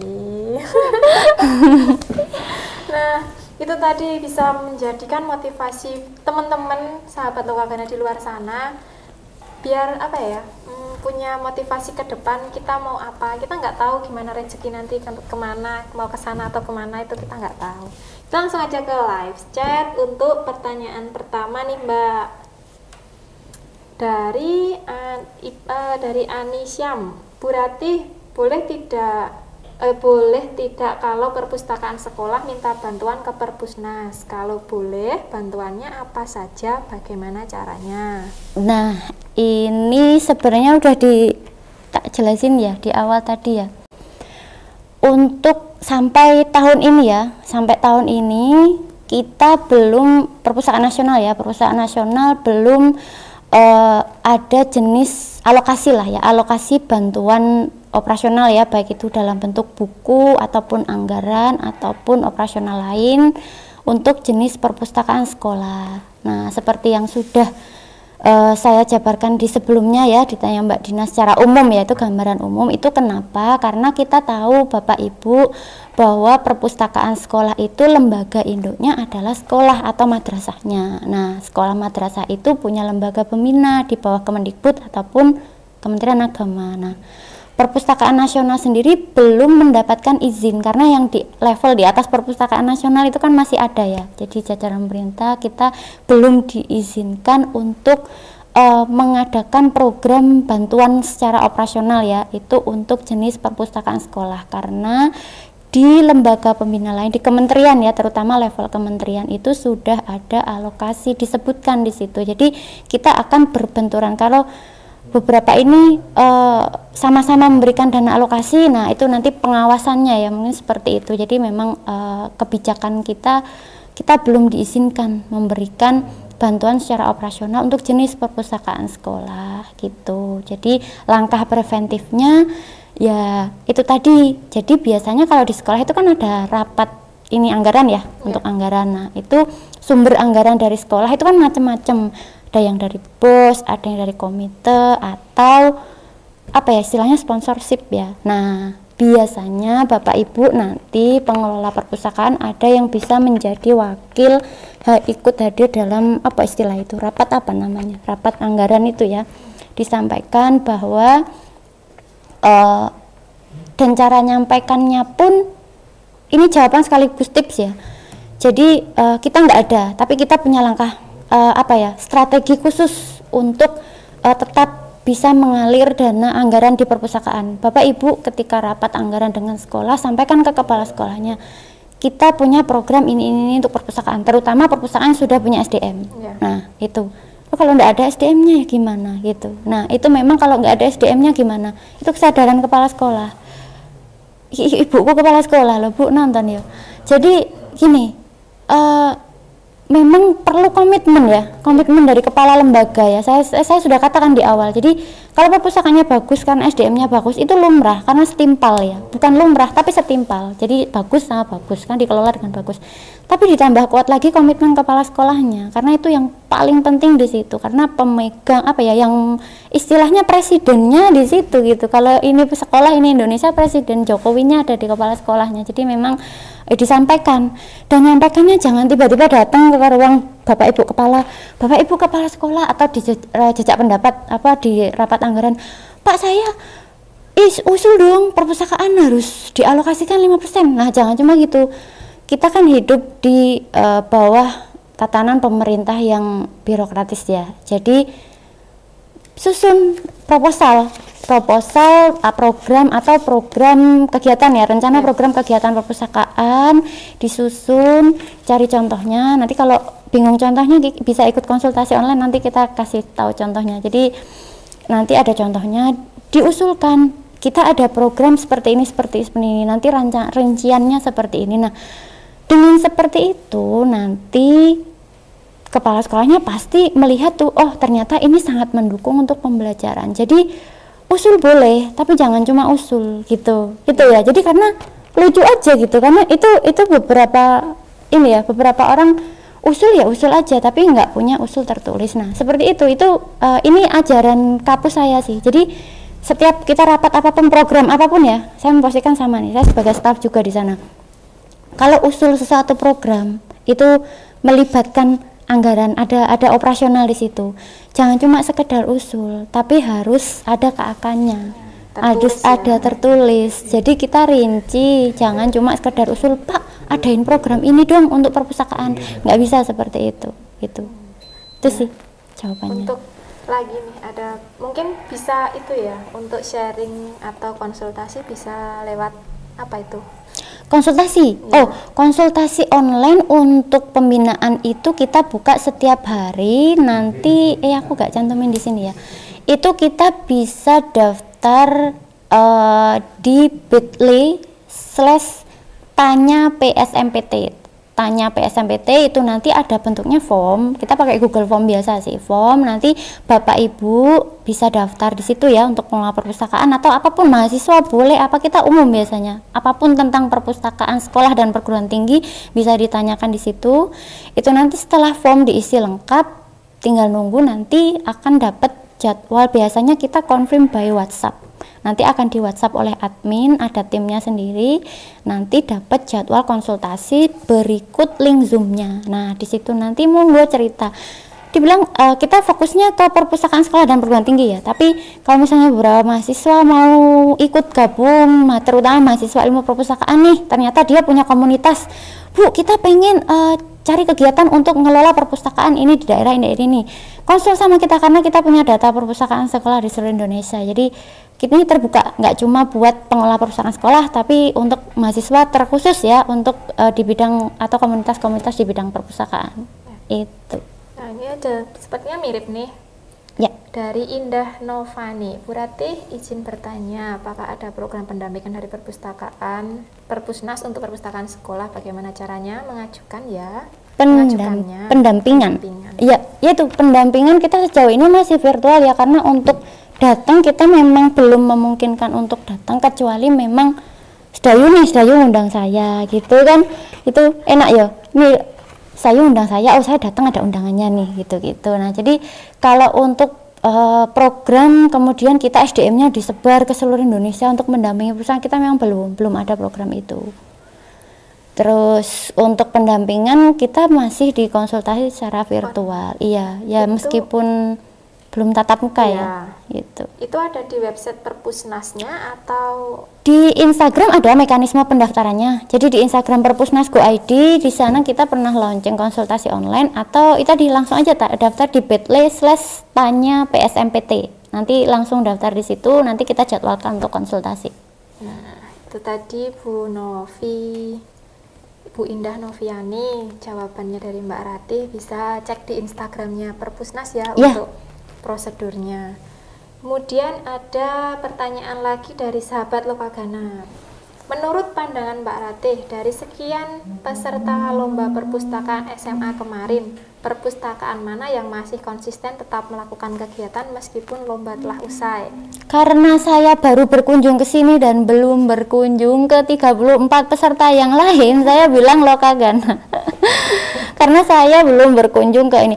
Tapi beberapa peserta lomba yang lain ya, seperti dari Provinsi Riau, kemudian eh, ada juga bahkan yang dari Papua Barat itu eh, terutama dari mm, daerah Papua Barat ya itu aktif mereka masih aktif. Eh, ibu ini kemudian yang masih aktif beberapa memang masih mendominasi ya Jogja masih mendominasi. Karena saya baru berkunjung ke sini secara onset kan kita selama ini virtual ya. Menurut Mbak Ratih loh ini menurut Mbak Ratih. Bapak Ibu tim juri kalau nonton ini di luar konteks ya. Jadi ini menurut Mbak Ratih. Jadi eh, saya bilang masih dari tahun ini ya 34 peserta ya Lokagana karena saya yang berkunjung ke sini. Ini beruntung loh saya Bapak Ibu tim juri sekali lagi belum berkunjung ke sini tapi saya sudah mendalui non sewu Bapak Ibu tim juri. Mana? Sesuai ekspektasi kah?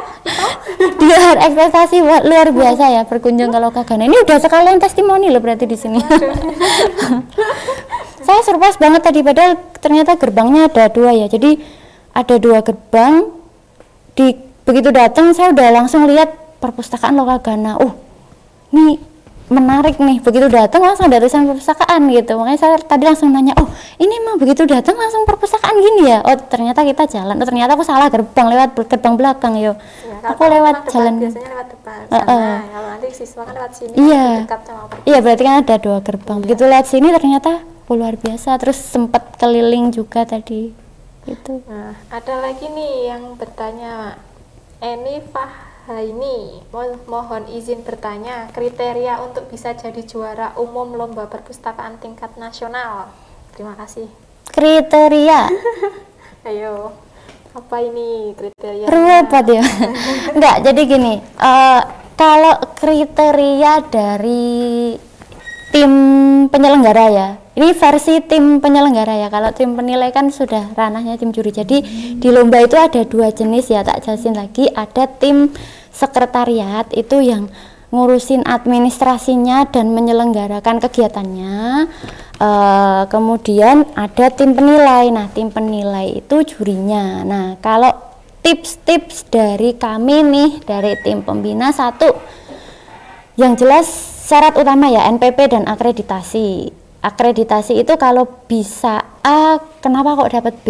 Tuh, karena kalau A itu unggulan, tapi belum tentu juga kalau A pasti menang lomba ya. Karena Ya. memang A dan B itu saling bersaing karena di sini akreditasi sifatnya syarat Iya. bukan penilaiannya karena instrumen penilaiannya beda. Yang kedua, instrumen dilengkapi instrumen penilaiannya karena sejauh ini ya, kalau untuk lomba-lomba tahun ini, kalau misalnya memang nanti kejutan lomba tahun depan ternyata kita masih harus instrumen seperti tahun kemarin, tipsnya dilengkapi instrumennya serapi mungkin dan selengkap mungkin.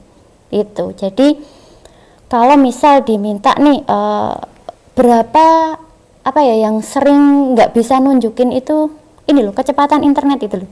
Oh, iya. Nah itu kan itu ada salah satu. Ini cuma salah satu dari sekian ribu butir pertanyaan di instrumen ya. Sekian ribu, sekian puluh, sekian 82 pertanyaan di instrumen itu salah satunya ini internet. Internet gimana cara nunjukinnya kalau ini, ini. Nah itu nggak bisa. Nah itu dilengkapin aja. Jadi apa ya? Kalau kelengkapan itu kan cuma istilahnya yang penting kamu administrasinya rapi ya udah lolos. Kamu lolos syarat administrasimu rapi. Tapi rapi yang rapi beneran ya jangan mengada-ngada. Jadi kita kita bakalan nemuin kok temuan-temuan contoh yang mengada-ngada. Yuk ini ada nggak perlu usah disebutin tapi ada. Contoh nih layanan untuk uh, pemustaka berkebutuhan khusus. Mereka bilang kita ada uh, apa namanya braille. Terus kita ada tangga ada kursi roda ada uh, apa itu yang mirip tandu itu apa? Foto. Mereka kalau administratif kan mereka cuma bisa nampilin foto ya selain didukung video sebenarnya. Foto. Kita kalau lihat mereka mau berusaha rapi kita sangat mengapresiasi. Tapi mengada-ngada nah foto ini aku yo tahu nek kursi roda tuh gambarnya gini. Ya cuma kursi rodanya tak ditempel di situ. Maksudku gini kalau kasih bukti fisik itu jangan sesuatu yang bersifat ambigu gitu. Kayak contoh juga laporan anggaran ya terutama laporan keuangan. Ini tips juga menyusun bukti fisik ya. Jadi jangan ngampirin anggaran. Misal uh, ada di pedoman lombanya anggarannya sekian sampai sekian ratus juta itu ada di poin A. Cuma ditulis tok sekian juta tanda tangan kepala sekolah. Itu aduh aku gitu. Apa ndak ada bukti lain yang ya buktikanlah. Kita kan sudah kasih clue ya buktinya itu ada uh, eh, RAB-nya sekolah di situ menyebutkan dan RAB itu tentunya kan sudah dibuat awal tahun ya padahal lomba kita pelaksananya di tengah-tengah. Nggak dibuat mendadak gitu. Ya boleh boleh kalau itu mempertegas ya. Mempertegas bahwa kita anggarannya segini diketahui kepala sekolah. Lampirkan lampirkan sesuatu yang meyakini. Jadi gitu jadi uh, penuhi instrumen itu serapi dan serealistis mungkin. Jangan mengada-ngada nah itu terus ada juga layanan itu ya yang realistis aja kayak misal kita punya uh, lesehan, ruang baca lesehan. Itu kan salah satu yang dinilai juga. Berapa kapasitasnya? Ya udah, kalau memang ya lesehan ya ini. Ada yang sampai minjem-minjem sofa di ini ditata-tata terus mari lomba sofanya hilang. Itu tuh yuk ada juga, akan selalu ada seperti itu. Jadi kelihatan yang realistis dan yang enggak itu pasti kelihatan. Nah, itu yang kedua, instrumen dipenuhi serapi dan serealistis mungkin. Terus setelah lolos ya tentunya syarat-syaratnya ya lolos 15 besar itu tipsnya karena uh, untuk 15 besar ini kan ada beberapa komponen penilaian kita juga biasanya sudah sebutkan di pedoman lomba intinya pakemnya jangan bergeser dari pedoman itu aja jadi prinsipnya sudah ada pedomannya ikuti pedoman begitu visitasi dan presentasi ya berikan yang terbaik dan yang terbaik lagi satu lagi jangan jangan mengada-ngada, yang realistis aja. Yang sesuai di lapangan. Betul. Nah, itu dan kalau sudah sampai ke tahap 15 besar kan nanti yang 34 itu kan disaring 15 ya. ya. Disaring 15 hanya divisitasi 15 itu ketika sudah sampai di presentasi ini selalu kami sampaikan tonjolkan inovasinya. Inovasi, kreativitas, keunikannya yang benar-benar perpustakaan lain tidak miliki. Jadi gini, ini strategi khusus. Begitu tahu 15 besar, kita cari tahu nih. Sekarang kan internet luas banget ya. ya. Kita harus ada binnya badan intelijen ya. Kita di tim sekretariat juga ada binnya. Jadi kita tugasnya ngorek-ngorek media, ngorek-ngorek Google. Jadi di Google kan begitu di search A muncul semua. Nah kita cari nih pemenang provinsi dari dari sana dari Aceh sampai mereka pemenang juara satu lomba perusahaan apa nih? Biasanya banyak yang pos hmm. apalagi yang yang apa ya udah udah banyak ini internet ya terutama yang daerah-daerah Jawa Sumatera itu ya. Bahkan itu tuh kita cari aja oh mereka mereka inovasinya ini nih mereka inovasinya ini nih oh mereka kelemahannya ini Wih, kita padahal kita punya ini itu tonjolkan. Berarti yang berbeda dari mereka mereka ini itu kita berbeda di sini. Nah itu jangan lupa. Jadi kupas ini dan ini sebenarnya tips untuk uh, seluruh pengelola perpustakaan ya. Dari kepala perpustakaannya sampai timnya itu kompak. Jangan sampai ada jawaban beda.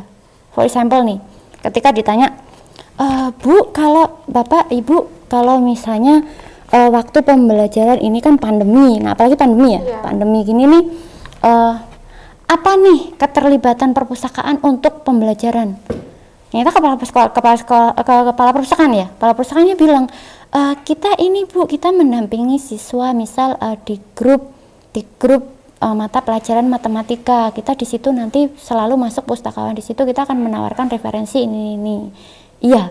Oh iya berarti setiap pustakawan stafnya ada berapa? Misal katakanlah ada tujuh. Tujuh itu dibagi. Iya dibagi per admin gini ini pegang matematika bahasa Indonesia.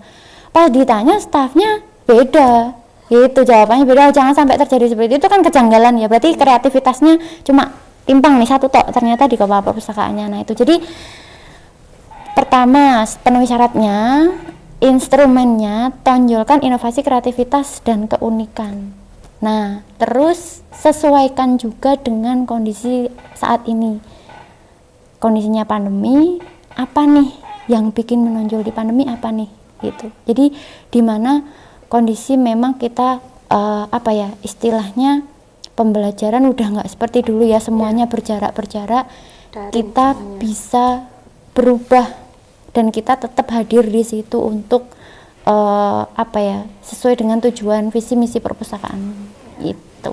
Nah masih ada dua pertanyaan lagi nih. Ya. Dari Indah Noviani lagi, izin bertanya berarti kalau RNPP kita disetujui atau tidak bisa dipantau lewat mana ya? Apa itu? RN NPP. Oh NPP. Oh ya ini titipan dari tim NPP loh. Aku tim NPP juga sebenarnya nggak cuma ada penanggung jawabnya sendiri jadi NPP Perpusnas itu kita kenapa sampai kemarin FGD-nya itu temanya masih seputar pendataan kita sedang sedikit berduka di Perpusnas. Jadi website NPP itu kan dulu sempat di bawah npp.pnri ya. Itu kan kita kembangkan sebenarnya niatnya memang kita kembangkan menjadi pendataan perpustakaan berbasis wilayah. Itu nggak cuma dampaknya nggak cuma di perusahaan sekolah tapi seluruh jenis perpustakaan. Niat kita adalah mengembangkan tapi memang terjadi error di databasenya yang mengakibatkan terjadinya duplikasi data dari masing-masing perpustakaan sekolah. Jadi keamanan kita istilahnya uh, terserang di situ. Jadi kasus di perpustakaan sekolah itu beberapa nih uh, stafnya itu sering ganti. Oh. iya jadi dan ternyata ya? iya berarti dan ternyata begitu ganti lupa nih kemarin. Udahlah pakai jalan ninja aja daftar lagi. Daftar ternyata terjadi duplikasi data di situ. Nah ini kita masih tahap cleansing sampai menemukan data yang valid mana yang akan dipakai NPP dari masing-masing sekolah ya yang sekarang jumlahnya di data NPP kita ya hampir 134 ribu sekian. Itu masih kita cleansing. Oleh karena itu NPP ini sementara kita freeze dulu layanannya kita hentikan dulu. Sementara untuk pemberian ya sampai pemberian sampai verifikasi kita stop dulu. Nanti uh, sistem aplikasi NPP itu akan kita take down dan akan kita luncurkan aplikasi baru. Nah, sementara ini sudah tahap cleansing, kita sudah menemukan data yang valid.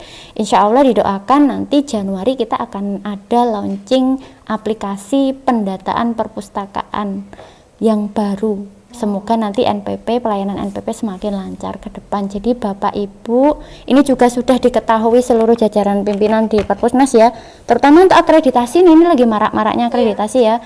Ada beberapa jalur dari relaksasi, portofolio gitu kan sampai ini ini kita sampaikan juga bahwa memang untuk NPP tidak menjadi syarat utama. Jadi masih tetap ditulis secara administrasi tetap menjadi syarat. Tapi kalau misalnya memang yang bersangkutan perpustakaan sekolah belum memiliki NPP karena kendalanya ada di kami. Kami akan serahkan datanya. Memang belum kita masih terkendala. Jadi itu akan dimaklumi gitu. Jadi don't don't worry lah istilahnya wah nggak punya NPP nggak bisa udah daftar tapi nggak jadi diakreditasi ya. itu ya itu tadi. Kemudian ini terakhir nih. Izin bertanya dari perpustakaan SMA SMK Budi Warman izin bertanya, kurikulum kita tidak kurikulum kita tidak mewajibkan siswa membaca buku non pelajaran dan tidak mewajibkan siswa ke perpus. Di mana letak urgensi fungsi perpustakaan yang katanya sebagai jantung sekolah? Asik. Wih, menohok banget ya. Ini sebenarnya gini. Jadi gini, urgensi perpustakaan itu ya di UU Sidiknas sistem pendidikan nasional juga itu sebenarnya juga sudah disebutkan bahwa perpustakaan itu menjadi salah satu sarana pendukung pembelajaran ya sudah yeah. disebutkan bahkan sampai lahir juga undang-undang perpustakaan khusus khususan ini ya khusus membahas perpustakaan di situ sampai menuju ke perpustakaan yang sesuai dengan standar. Nah, jadi sebenarnya bukan nggak ada urgensi perpustakaan, tapi tapi masih minimnya. Kesadaran ya. Kesadaran minat. Kalau masalah siswa dan eh pemustaka lah ya. Kita memukul rata pemustaka itu mungkin minat minatnya mereka yang masih minim. Tapi kalau untuk para pemangku kepentingan terutama ya dari kepala lembaga sampai pengelola perpustakaannya itu bukan bukan nggak ada urgensinya tapi masih sangat minimnya kesadaran untuk melaksanakan amanah dari peraturan-peraturan yang sudah diciptakan gitu. Sebenarnya peraturannya udah ada, cuma emang kalau di kita kan sering gitu ya, udah ada peraturan tapi kita masih minim kesadaran untuk itu ya enggak dilaksanakan gitu. Jadi ditumbuhkan dulu kesadarannya, baru tercipta urgensinya itu gitu. Sebenarnya urgensinya udah ada. Saya saya gini yo, apa yo cukup? Aku ini aja ya, kita kan sudah sekolah sampai sekian ini ya meskipun aku belum ke jenjang pendidikan berikutnya. Cuma sejauh kita sekolah apa ya cukup sih belajar cuma pakai buku paket gitu loh? Apa ya cukup? Kalau misal kamu an, apa ya peserta didik lah merasa cukup apa yo? Ya nggak nggak dapat pengetahuan lain gitu loh. Misal di buku paket nih di di matematika misal kan udah ada tema-temanya nih. Nah di luar tema itu apakah nggak ada keinginan untuk eksplor hal lain? Skill gini contoh nih ada yang cuma belajar kalau sekarang UNBK udah nggak ada ya? Nggak nggak ada ya? Nggak tahu ya aku ya aku aku belum tapi katanya mau dihapuskan UNBK nah itu jadi kalau dulu nih zaman aku U UN UN ya dulu ya ujian nasional Nah, aku dulu ujian nasionalnya ada praktikum juga, nggak film aku dulu kan aku STM ya. Jadi itu tuh misal cuma yang dinilai bahasa Indonesia, bahasa Inggris, matematika. Loh, tapi apa ya kamu tidak belajar hal lain gitu. Misal gitu ya.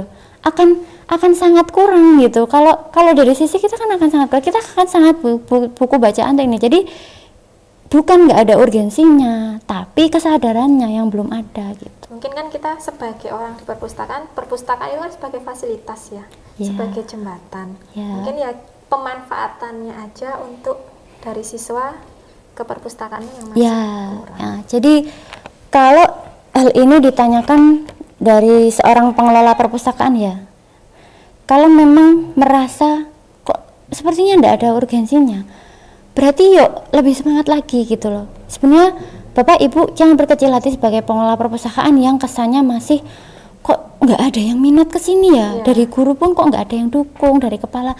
Jangan pantang menyerah gitu loh. Karena memang sebagai pengelola perpustakaan itu kita nggak cuma sebagai pengelola perpustakaan dalam hal apa pun pekerjaan yang kamu geluti kita dituntut untuk pantang menyerah.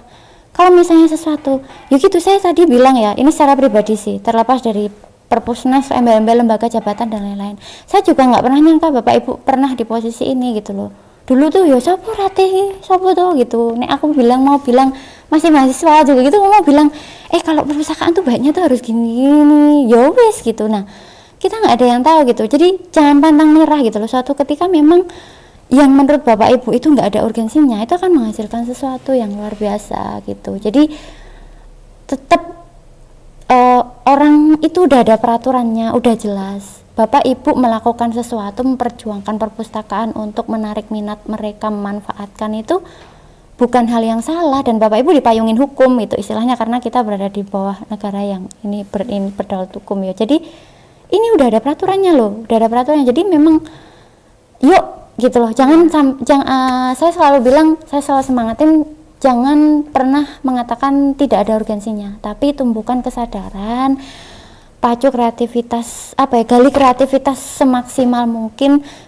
Dari mana sih celah perpustakaan masuk di pembelajaran? Sangat banyak Bapak Ibu, apalagi sekarang lagi zamannya apa ini PJJ ya, pembelajaran jarak jauh. Daring. Iya daring, tapi memang butuh effort yang luar biasa. Nah itu di situ tinggal Bapak Ibu effortnya. Hmm berarti tinggal ini menarik bagaimana cara memberikan gambaran mereka bahwa perpustakaan itu menarik iya hadirlah di setiap sisi pembelajaran ya istilahnya di, di segala sisi pembelajaran bapak ibu tim guru lah ya. itu terakhir closing statement dari mbak Rati closing statement aku ada materi tak jadi ditampil ya?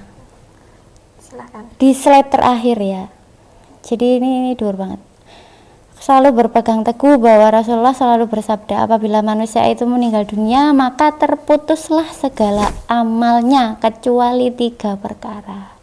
Yang pertama amal jariah. Sedekah jariahnya ilmu yang bermanfaat dan anak soleh yang selalu mendoakan kepadanya nah Perpustakaan merupakan satu bagian kecil dari ruas luasnya ruang pembelajaran dalam kehidupan. Maka kelola dan manfaatkan perpustakaanmu dengan tepat supaya mampu menjadi jembatan untuk memberikan suatu ilmu yang bermanfaat. Itu quote dari saya. Super sekali. Nah, tak terasa ya waktu jua yang akan memisahkan kita. Tapi hari ini sangat saya sangat saya sebagai pustakawan SMA Negeri 1 Sedayu sangat bangga bisa Mbak Ratih sampai sini. Kita semua yang di sini sangat senang sekali bisa berbincang, bisa ngobrol, bisa ketemu secara langsung, tidak hanya virtual kemarin. Iya. dan banyak sekali belajar tentang apa program dari Perpusnas, peran dan kontribusinya Perpustakaan Nasional Republik Indonesia untuk perpustakaan sekolah di Indonesia. Sebelum kita tutup, saya mengucapkan terima kasih banyak kepada narasumber kita Mbak Ratih Nur Hidayah Sami-sami. yang hari ini sudah hadir memenuhi undangan kita dari Perpustakaan SMA Negeri 1 Sedayu khususnya Perpustakaan Lokagana yang telah memberikan banyak sekali ilmu dan uh, wawasan untuk kami sahabat Lokagana semua.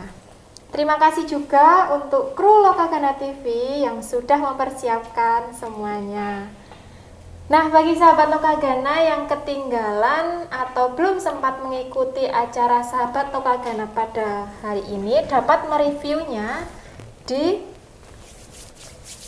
channel YouTube Lokagana TV dan bisa disaksikan juga di Anchor, Google Podcast, Apple Podcast, dan Spotify. Oh iya, didengarkan di Anchor, Google Podcast, Apple Podcast, dan Spotify dan bisa diputar ulang di channel YouTube Lokagana TV. Jangan lupa untuk subscribe, like, dan komen YouTube Lokagana TV. Dan klik tanda lonceng supaya kalian tahu updatean terbaru dari Lokagana TV.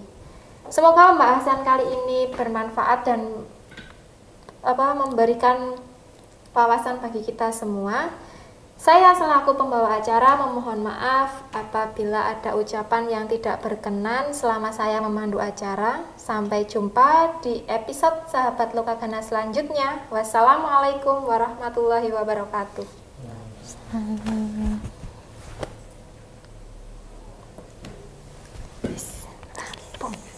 Bien. Mewujudkan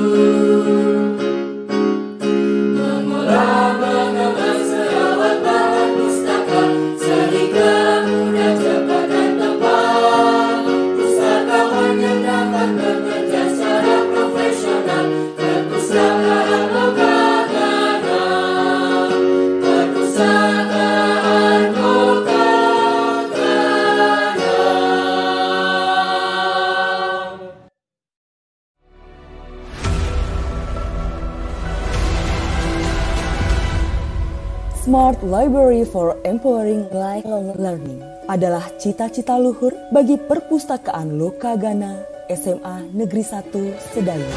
Pemberdayaan pembelajaran sepanjang hayat yang mengharuskan siswa maupun guru bekerja secara dinamis.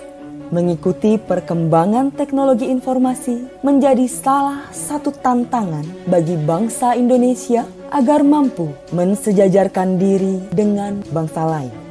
Perpustakaan Lokagana didirikan sejalan dengan pendirian SMA Negeri 1 Sedayu dan mendapatkan legalitas dengan SK Bupati Bantul. Perpustakaan Lokagana memiliki satu ruang induk yang sangat strategis, terintegrasi dengan oase-oase baca, dan berkembang menjadi perpustakaan sekolah dengan koleksi terlengkap di daerah istimewa Yogyakarta. Pengembangan perpustakaan Lokagana berlandaskan visi terwujudnya perpustakaan yang berkualitas sebagai wahana menuju warga sekolah yang cerdas dan mampu bersaing di era global. Untuk mewujudkan visi tersebut, yaitu memberikan pelayanan yang ramah, cepat, dan mudah diakses. Menjadikan perpustakaan sebagai penggerak pendidikan dan sumber belajar warga sekolah serta masyarakat sekitar. Harapan kami, perpustakaan Lokagana tidak sekedar membangun budaya literasi bagi warga sekolah, akan tetapi juga bermanfaat bagi masyarakat luas melalui berbagai layanan dan program inovasi yang kami laksanakan. Lokagana menyediakan fasilitas Quick Response Code dan Augmented Reality Code yang dapat memudahkan akses informasi secara lengkap. Perpustakaan Lokagana memiliki layanan unggulan. Yang pertama, layanan Lokagana TV, Lokagana Streaming, Loka Gana Podcast, Loka Gana FM, aplikasi Loka Gana Eko Pustaka yang dapat diakses melalui Play Store. Di era pandemi ini, siswa juga dapat memesan buku ke perpustakaan melalui ojek online. Layanan unggulan perpustakaan Loka Gana memiliki layanan untuk masyarakat. Di antaranya layanan puskesmas, layanan dasawisma, layanan TPA, layanan ke stasiun Rewulu, alat bantu baca lansia, serta layanan yang ditujukan untuk difabel. Saya mengucapkan terima kasih kepada Perpustakaan Lokagana SMA Negeri 1 Sedayu yang sudah mengadakan acara bertema disabilitas di Lokagana TV. Saya Hamengkubuwono 10 sangat mengapresiasi kerja keras dan upaya nyata perpustakaan Lokagana SMA Negeri 1 Sedayu Bantul yang telah berhasil mengembangkan budaya literasi di sekolah dan masyarakat sekitar. Tentu saja hal-hal tersebut sangat mendukung tetap terjaganya ikon daerah istimewa Yogyakarta sebagai kota pelajar sekaligus menuju pusat pendidikan terkemuka Asia Tenggara pada tahun 2025. Mari ciptakan generasi yang cerdas, berbudaya, dan terampil di era global.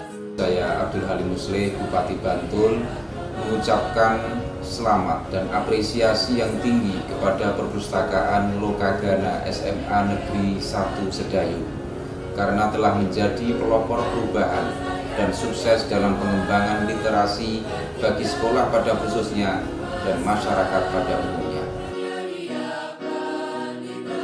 Prestasi siswa SMA Negeri 1 Sedayu sangat membanggakan. Kehadiran perpustakaan Lokagana sanggup mengakomodasi kebutuhan literasi siswa untuk mencapai prestasi. Siswa juga sanggup menelurkan beragam karya literasi.